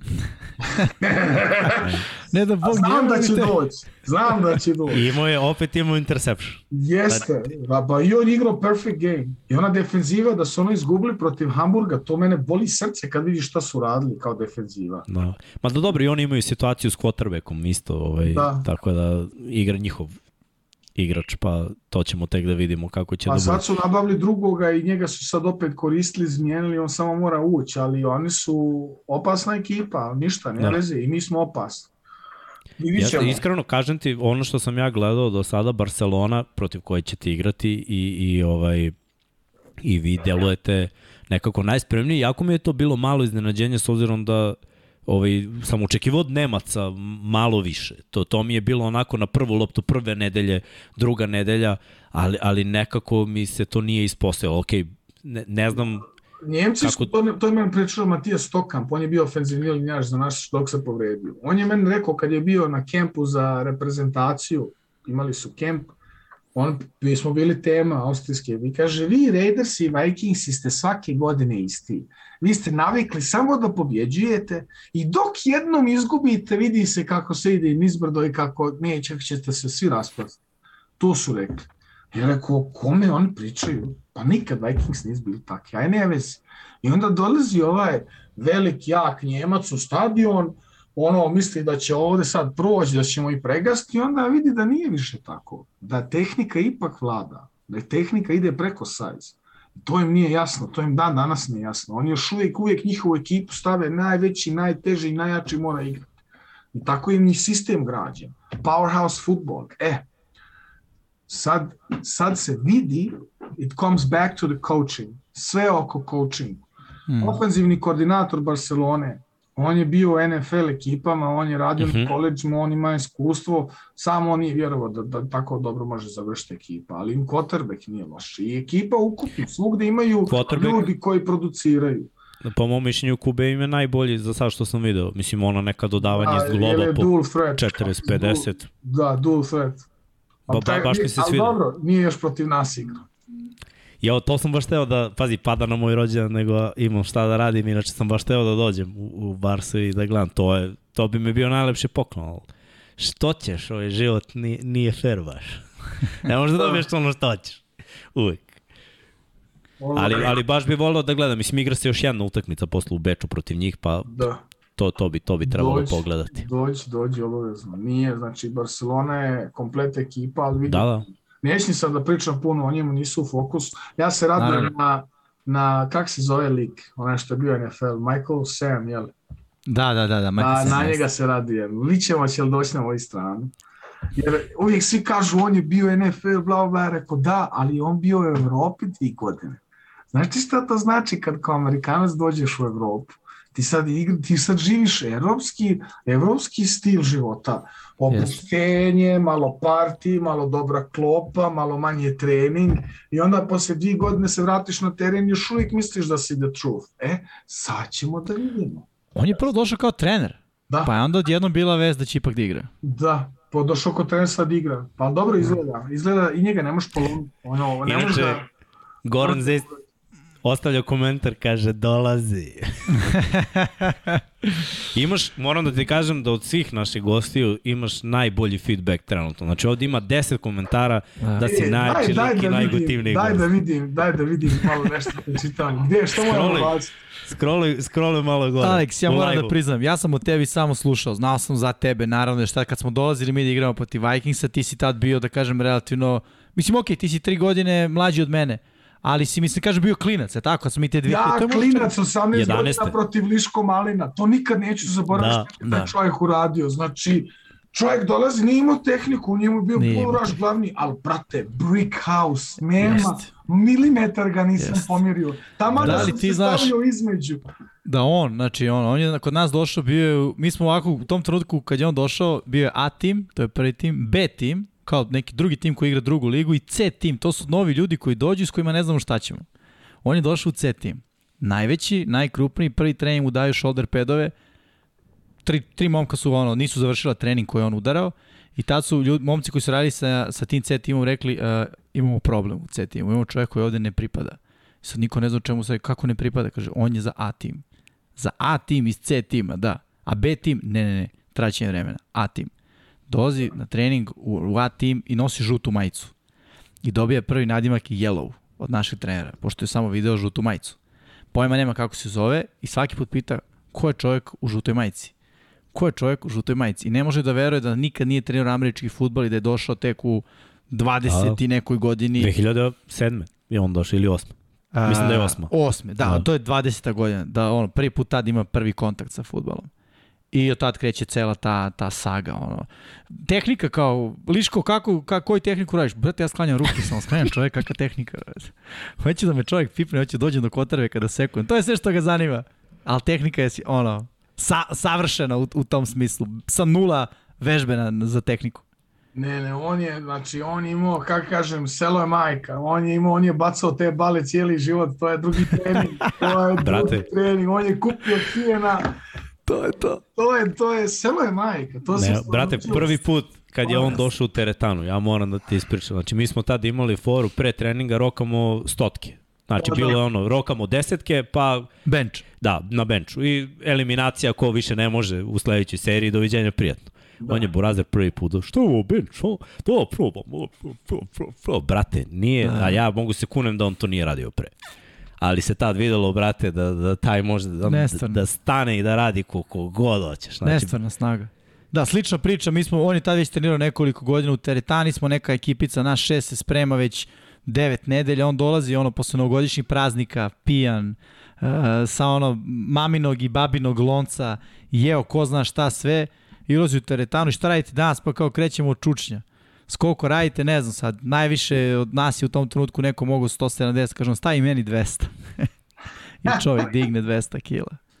Lagano. Neverovatno sa ono, to, to mu je prvi dan treninga u off-seasonu te godine. Pa on je onda u, nje, u Njemačkoj je pokidao, bio je sek lidera. Ili, Jeste, i bio i u Švedskoj. Da, u Te god je išao.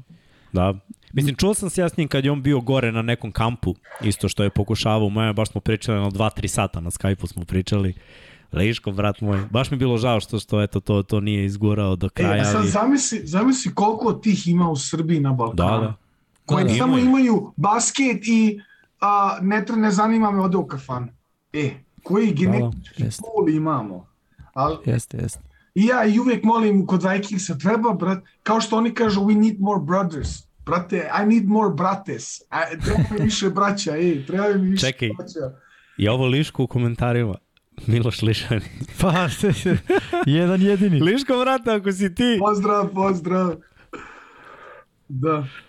Da, sa I- njime stvarno bilo drugačije. Ne, ali ubiste nas tu. To, to smo mi imali nekog trenera koji je teo neke motione, nešto ništa nije prošlo. Ja se sećam, to mi je bilo najbolnije. Tu, tu, ta, nikad u životu me niko nije očepio ko, ko vi te goje. Baš je bio, odmah smo ga otpustili posle te utakmice Da. i... Posle utakmice taj trener je poslat kući. Da. Ja jedino što, se, što mi je, sam zapamtio, a to je ono, znaš, kad doživiš traumu pa kao sve zaboraviš, ali nešto zapamtiš, imao sam interception na toj utakmici. To je jedino što sam, što sam zapamtio ovaj, i to je bio neki post, ja sam igrao middle safety-a, uh, Bejtovo Kube, mislim da je Kube bio Austrijanac tada, uh, neki vaš, presekao pas i ovaj, vratio za nešto par yardi, ali cela utakmica je potpuni fijasko bila. Ono, u odbrani ste nas ma uništavali ono. Da, da, bili su spremni momci. Bili su Da, spremni. uništavali ste nas baš. Baš. Pa i to, to je ta razlika, to je rekao i Brandon, na kraju sve se vrati na coaching. Ti ako preko Jeste. 10-15 godina imaš kvalitativan coaching i od, od, odgojiš jednu generaciju, Tako je. to, to ide, ide dugi, dugi put.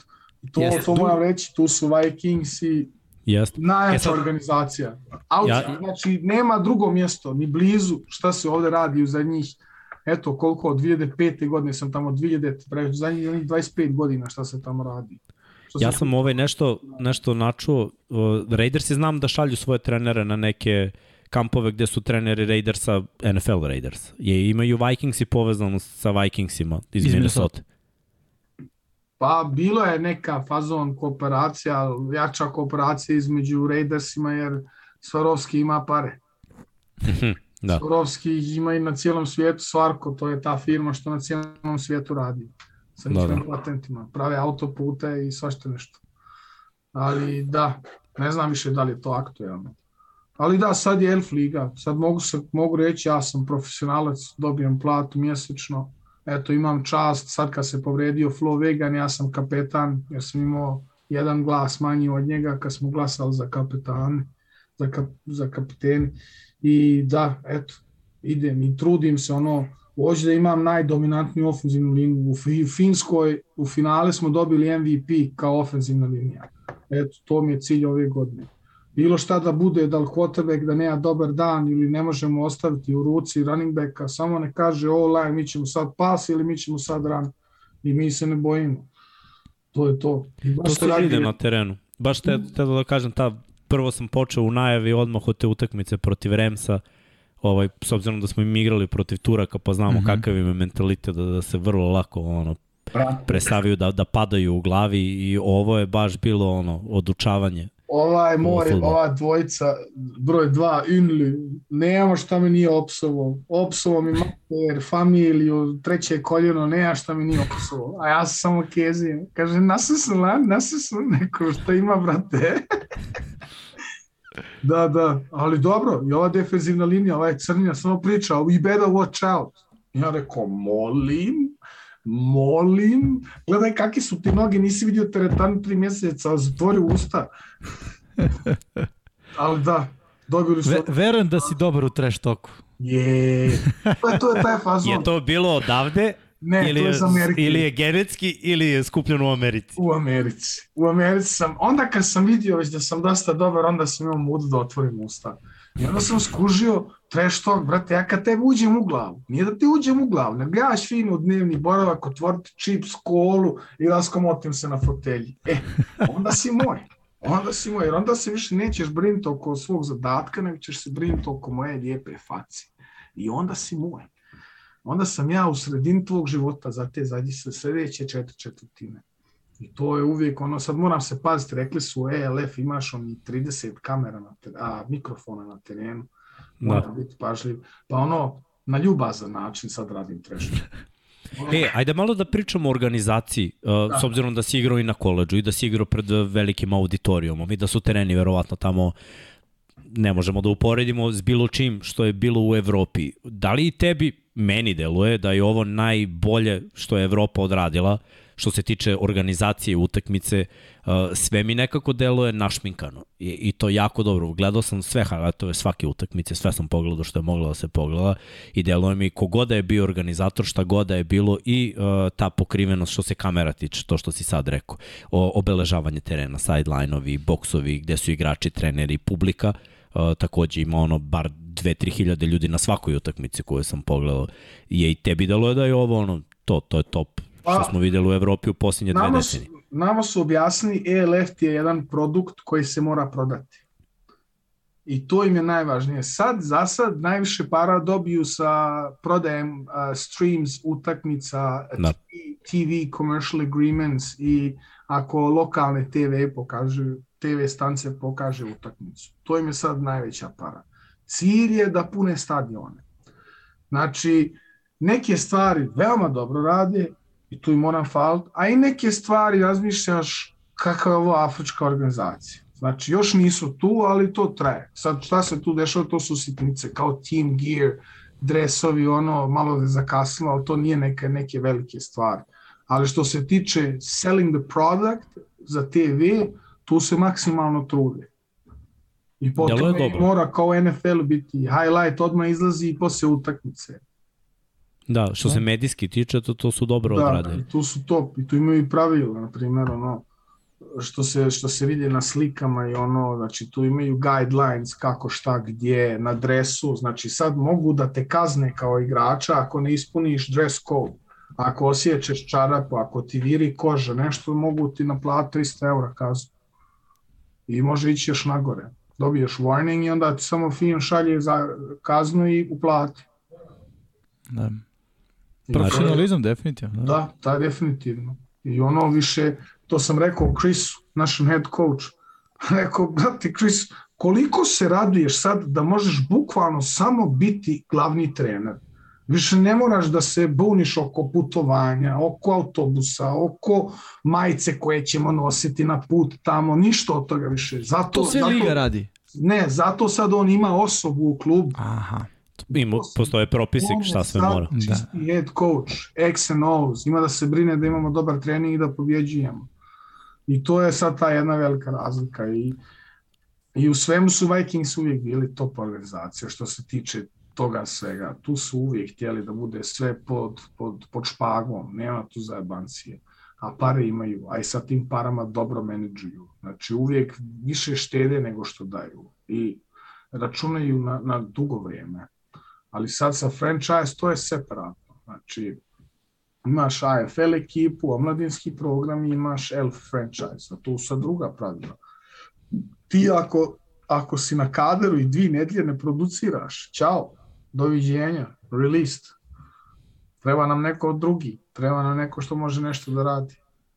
Da, da, pa i ovi povređeni video sam da su svi označeni kao released. Pa da, ali neki su i otišli. To oni pišu released, ali to su i sami otišli. Da, da. Na primjer Istanbul, kad su napravo napisali running back release, nije on release, on je očeo da je. Da.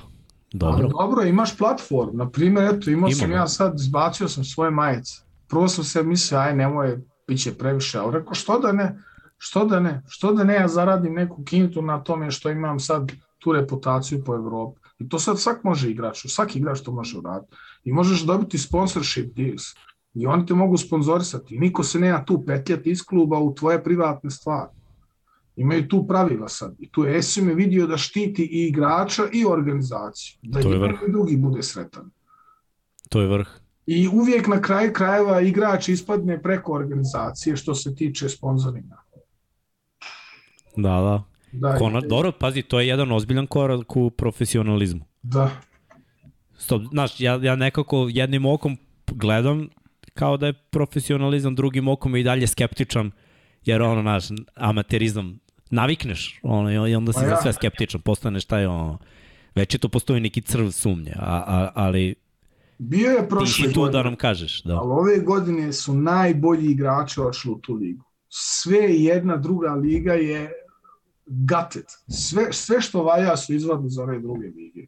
GFL postala nebitna i sami su krivi i njihov taj Huber što su uništili tu ligu, sami su krivi. Tako jednostavno. Jesi mi kaže, mene to više sve ne zanima. Kakve kooperacije, kakve ove vam, to me ne zanima. Vaši igrači dobrovoljno meni doći, bio je u pravu. I sad imamo vrh ligu. Sad ljudi će dati 5 eura da gleda samo jednu utakmicu kad nema futbol sezona. Baš to, da, baš to. Šta je Naročito mi kutiju, zavisnici. Kutiju cigara neće uzeti, nego će gledati utakmicu ovde. Eto, nije to neki svijet i ta, taj koncept sad radi.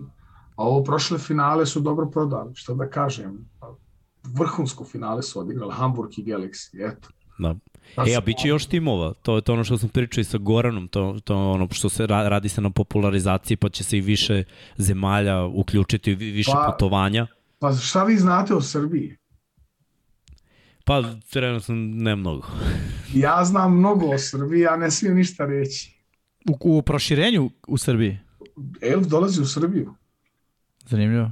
Ne znamo ništa, ja sam... Ne ove godine, a sledeće godine. Da. Planira okay. se, znači to znam, planira se i planira se užasni veliki projekat.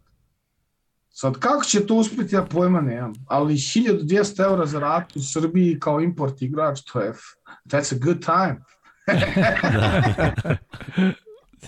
da, vidjet ćemo, da, ko zna. Što ti ne, kažeš, bit će dosta provoda i laganih obroka. da, da, da, da. Good, good times. Nije, nije, planira se. Eto, planira se u mnogo drugih mjesta da se ide. Ali ja ću vidjeti.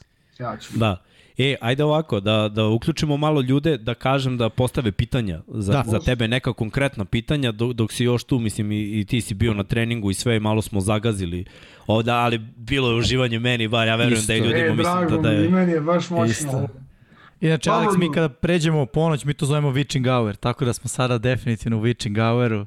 Da. Ovaj, Pucite I... ljudi, dajte pitanja za Aleksa do, do, dok smo tu, a mi ćemo još da, da, da pričamo malo. A ja ću probati sad da nađem, pošto sam video već neka pitanja, ali znaš, dalje ne vrem da se liško. Uh, uključio, uključio, da. Da. Ajde, bacit ću ja pogled čisto da budemo efikasniji, uh, da ispratimo Sigurno sam da je bilo pitanja. Da, pa imamo pitanje uh, da li bi mogao Aleksandar zaigrati za Srbiju ili da bude u trenerskom timu. Aleksandar je igrao za Austriju.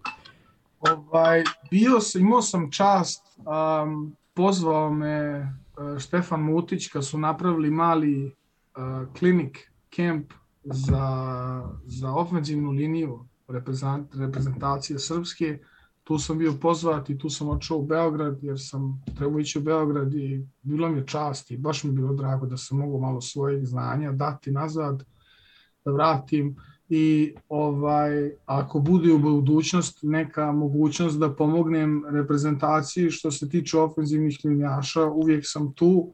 Konkretno ništa nije planirano. Za Srbiju ne mogu da igram, nemam srpsko državljanstvo, a i austrijska reprezentacija me sad pitala da li ću igrati u jesenu u Marseille protiv Francuske i protiv Francuske još nisam igrao i igrao sam, ali dugo nisam igrao pa razmišljam.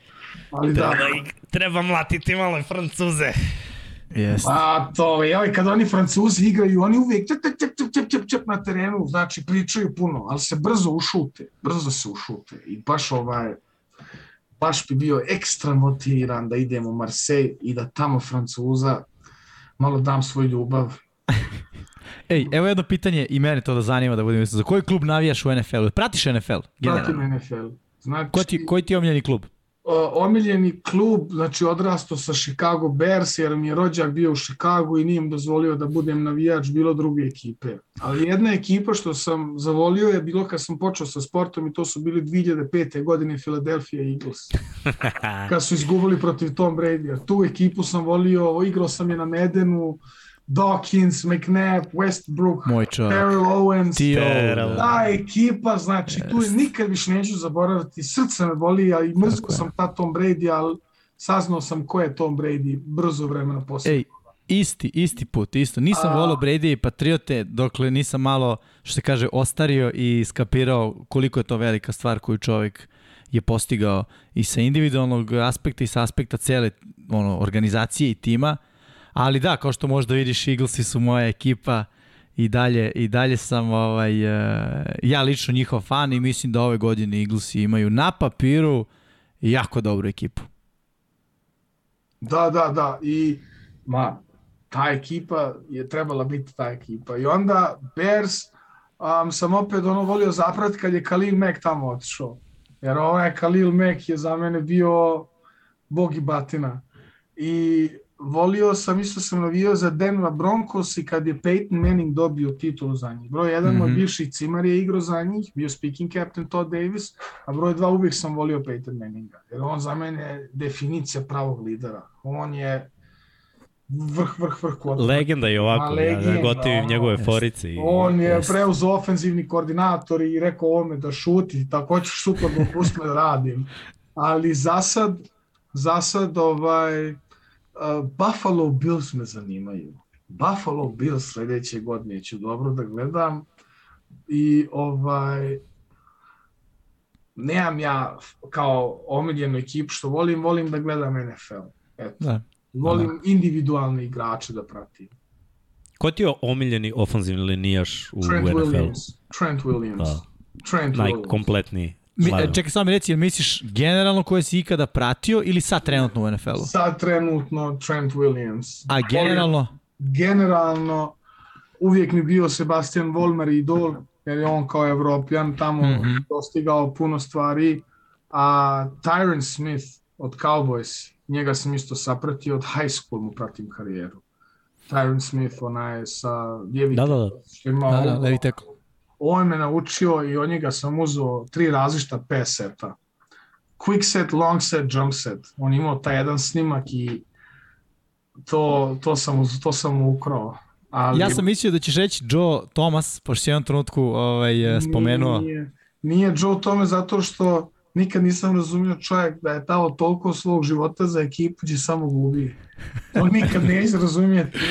Hall of Famer, but you didn't, you didn't win shit. Like, kako si mogao toliko dugo tamo da ostaješ? Ali eto, taka glava. Meni je najbolja njegova izjava bila a, kad je bio izabran, čini mi se u jednoj poslednjoj ili preposlednjoj njegovoj karijeri a, za Pro Bowl i kaže, pa evo na ovom meču imam priliku da udvostručim broj pobjeda ove sezone, pošto su Browns imali jednu pobjedu Pa do kraja sezone, on kao, ako u Pro Bowlu pobedi sad AFC, udvostručit ću broj pobjeda koje sam imao ove godine.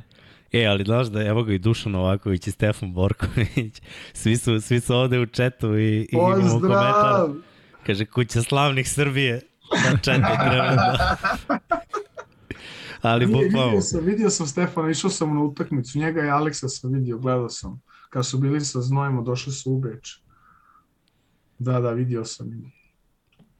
Ovaj, a, a all time kao legenda što, što moram da čestujem, jer to mi bio, imao sam ofenzivni line coach u Sac State, Bill Laveroni, on je bio coach od Seattle Seahawks od 2007. godine. Znači, on je bio Walter Jonesu coach. On je kad je pričao o tom čovjeku, mi smo imali Walter Jones rule. Walter Jones znači lijevi tekel ili desni tekel je sam na endu. I uvijek ono kaže Walter Jones. Uvijek kad je to rekao, ja sam uvijek razmišljao, ja sam sad Walter Jones. Nema koga da me prolaziš na pas blok. Nema šansi. I on je isto car. Jer on je, čuo sam neke priče, lik je znači sjeo u slačionci i nije se pomjerio dok nije došla utakmica, onda posle utakmice je sjeo u slačionci, skoro da nije crkao. I uvijek su ga pitali šta mu je, šta mu je. I on je rekao, I left it all out on the field. Svaku utakmicu. Tako i ja kad idem na sideline. Nemoj samo pričati, moram da, da, da ufatim vazduh jer uvijek ono ekstra, ekstra, ekstra radim. Pa ovaj, iscrpim se. Ali je ljubav u sport. Ali da, i Walter Jones, toliki čovjek koji ima balans. Jer to ti na ofenzivnoj liniji znaš da ne uzimaju puno steroida. To su takvi ljudi, znaš. Da, sećam se prvo pitanje, ovaj, Ruben, kad je, kad je došao kod nas, i ovaj, onda smo, naravno, ja kao fanatik NFL-a morao sam ga ismaram za sve što sam teo. I baš sam ga pitao, ono, ko su najjači ljudi u NFL-u? Kaže, online. Kaže, s njima nema zajebavanja. Znači, bukvalno, kad ga pitam, znaš, koliko dižu, koliko staviš.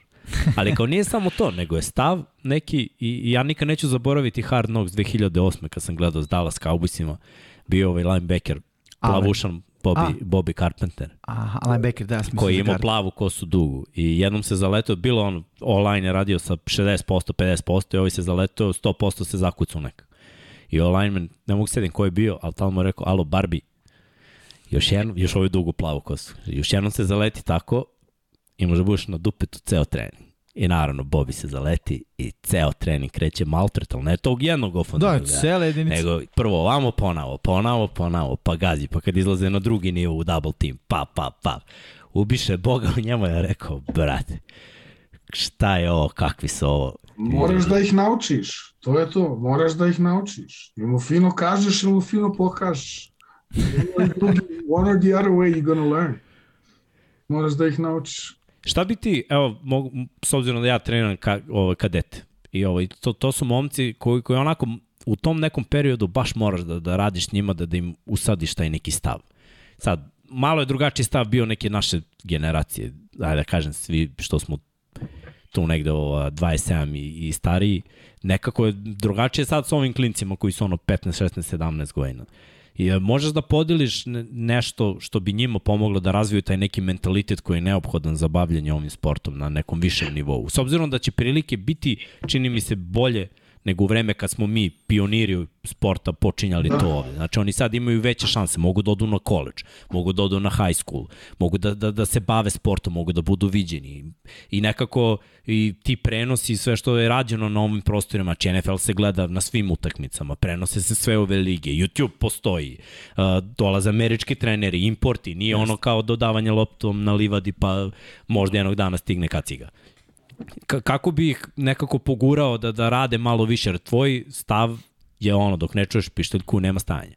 I to se vidi i zbog toga si tu da jesi. Ovaj, nije što sam učitelj sad, nastavnik, da to kažem, ali ozbiljna priča je škola broj 1. Moraš imati ocjene. Ako si u školi ljen, već, već si usmanjio šansu 80%. Znači, u školi moraš biti top. To je broj jedan. Znači, osvijeti se škole, jer nikad ne znaš kada se povrijeti, šta će onda od tog san što imaš, taj mečki futbal. Ali ako nastaviš kako treba, imaš dobre ocjene i vidiš da si pametan, nije samo da možeš vati sportsku stipendiju, možeš i dobiti akademsku stipendiju koja ti mnogo para može dovesti. I ovaj druga stvar je živimo u vremenu social media i interneta. Imate stotinu kanala gdje se vama neka tehnika nešto pokaže što vredi zlato. Bubačte to i ako treba pita importa, je svi kad čuo za ovo, što misliš o ovoj tehnici? A broj tri, um, jump rope, to je. Vijača. Vijača. Vijača, jump rope. Znači, ima da Najbolja budeš, fitness prava ikada. Rokijev otac moraš da budeš, sa tim ćeš dobiti quick feed. Jump rope i ovaj, ako odlučiš u mladim godinama da se baviš tretanom, uvijek radi pod planom.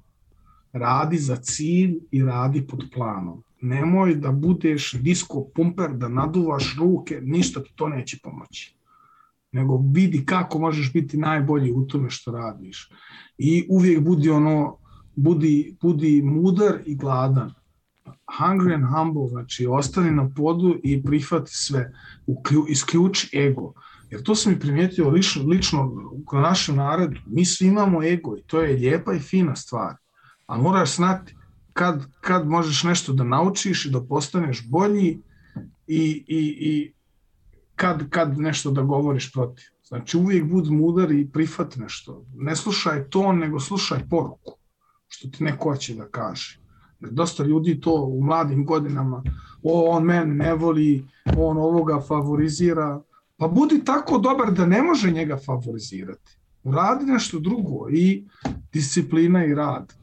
Od ničega dolazi ništa. Eto. Alex, svaka ti čast. Znači, Ali ovo su uloži, poruke... uloži, uloži posao, dobćeš rezultate. I ko kaže sve sam uradio što sam mogu uraditi, Na kraj sigurno nisi, jer nikad ne znaš šta još sve možeš da uradiš. Bravo, Aleks. Ej, stvarno. Znači, ovo su poruke za život ljudima. Ono, da. Ne za futbal, nego stvarno... Futbal dovedi. Svaka čast. I ono, ono što si rekao na mestu broj 1, škola. Evo sad kad se, onako, dok si to pričao, onako osvrnem se da mnogo igrača, recimo, koji su bili odlični igrači u Vukovima kad smo mi počinjali, svi su danas zbog škole koji su završili, su znali da neće biti koleđa i ostalog, da kažem, uspešni ljudi. I to si apsolutno upravo. Znači, to je jedno s drugim povezano. Ne možeš biti dobar atleta, a ne pametan lik. Da ne kažem glup. Izvinjaš da kažem još nešto. I nikad ne prestaje da učiš. Evo najbolji primjer, moja djevojka Bojana. Pozdrav, čao ljubavi. Ona mene sad uči srpski jezik. Znači svaki put kad nešto pobrkam padeže, neku gramatiku. On mene kaže, koji si ti taj neseti jezik, molim te, naučio? Kakav to srpski? Ne, ne može tako. I nego da ja sad kažem, šta ti hoćeš, odmah ja pričam tri jezika, bla, bla, bla, ne. Šutim, zahvaljujem se. Zahvaljujem se. Treba tako. Nikad ne možeš nešto dosta naučiti. I sad sa 30 godina neke nove stvari u ofenzivnoj liniji učim i isprobavam, jer poštujem svog trenera, da on ima veću sliku u glavi šta može tu biti, a ne ja sam sad igramo 2005. već toliko dugo ja sam izmislio svijet. Ništa od toga. Tako kad počneš razmišljati, tu dolazu prve osobe što te dobiju, što te pobjeđuju. Da, i najbolji fokus jeste u stvari od ove 27. pa na gore, kad yes. malo shvatiš život. U stvari, postaneš stariji, iskusniji i ono, skromniji, nekako Da. si otvoreniji. Oni E, kažu kad, kad, coachable. gledam, kad gledam stare postove na Facebook, čoveče, kad se ufatim za glavu, joj Je što li si tebe bude sramota? Još ne ja sramota, isto. ne sramota, nego što si bio naivan, Aleksandar, što si bio preletan u nekim stvarima, što sad ne bi to tako nikad radio, ali tad testosteron puca, malo arogancija, drugčije razmišljao tad, ne, ne, smiješno je gledat tu nazad. I nije pogrešno, nego uvijek je taka neka transformacija. Treba se, trebamo se promijeniti. Daj Bože u, do, u, u, dobro, ali treba uvijek, uvijek bude, bude neki rast, nekako rasteš kao osoba, fizički, bilo na koji način. To dođe skroz vrijeme. Baš to, baš to. E, mogu da ti kažem da mi je baš bilo zadovoljstvo. Ovaj, Hvala, hvala što ste me pozvali. Ima, zvaćemo te uvek da, tamo, nego tek sad smo krenuli, ovo mislim da smo tek sada došli do tog stadijuma da, da možemo da radimo zapravo ono što želimo, znaš. Da. Bilo ono kajde da krenemo kao NFL, pa ajde da ljudi vide ovo, da malo steknemo neku publiku i onda, znaš, mi u principu znamo i ko si, šta si, gde igraš, ovo ljudi ne znaju. E, ovo u stvari približiti ljudima ovo, da oni vide i, i, i da skapiraju što ti kažeš, voliš da pričaš sa ljudima kad ste igrali tekme, kad je ovo, kad je ono. E, ovo je prilika da, da se sve te priče, da izađu u etar, ono, da, da, da se konačno Jeste. čuju. Tako je. I ovaj, ba, baš mi je drago da, da, da je bilo ovako dobro račun i sigurno da ćeš dobiti poziv. Ja se nadam da ću doći da gledam neku tekmu, pa, pa ćemo se onda i videti. Biće mogućnosti, biće prilike, biće prilike. Ima još dosta sezone ispred nas. Vidim ovde da, da je baš oduševljenje. Ljudi, ja vas sve pozivam da ono, pišite u komentarima i kad se završi ovaj live, ja verujem da ćeš ti, mislim ja imam bolest, to volim da kad ja nemam društvene mreže, ali volim da uđem u ovo i da odgovaram ljudima, sve, svaki ti put. čast, Posle svaka svakog podcasta ja volim. Eto, pa ljudi, vi ovaj, pišite kad se završi ovo, ako bude želeo, slobodno komentariši, piši, ovaj, odgovori i hvala ti za, za sve ovo što, što si ispričao i hvala ti za ovu čemu. poruku na kraju. Mislim da, da, da će klincima to značiti da čuju od nekoga ko, ko je prošao, a stvarno si prošao, brate moj, sve i svašta u, u svojoj igračkoj karijeri. Da, dosta prošao. Još ko zna šta budućnost drži. Eto, titula je cilj, za sad ide kako ide, ali titula ne zanima. Sljedeća tekma je najvažnija. To je Evropska. Goran, a? To je, to je. Brat, zec moj, ju, ju, ju, još što se radujem.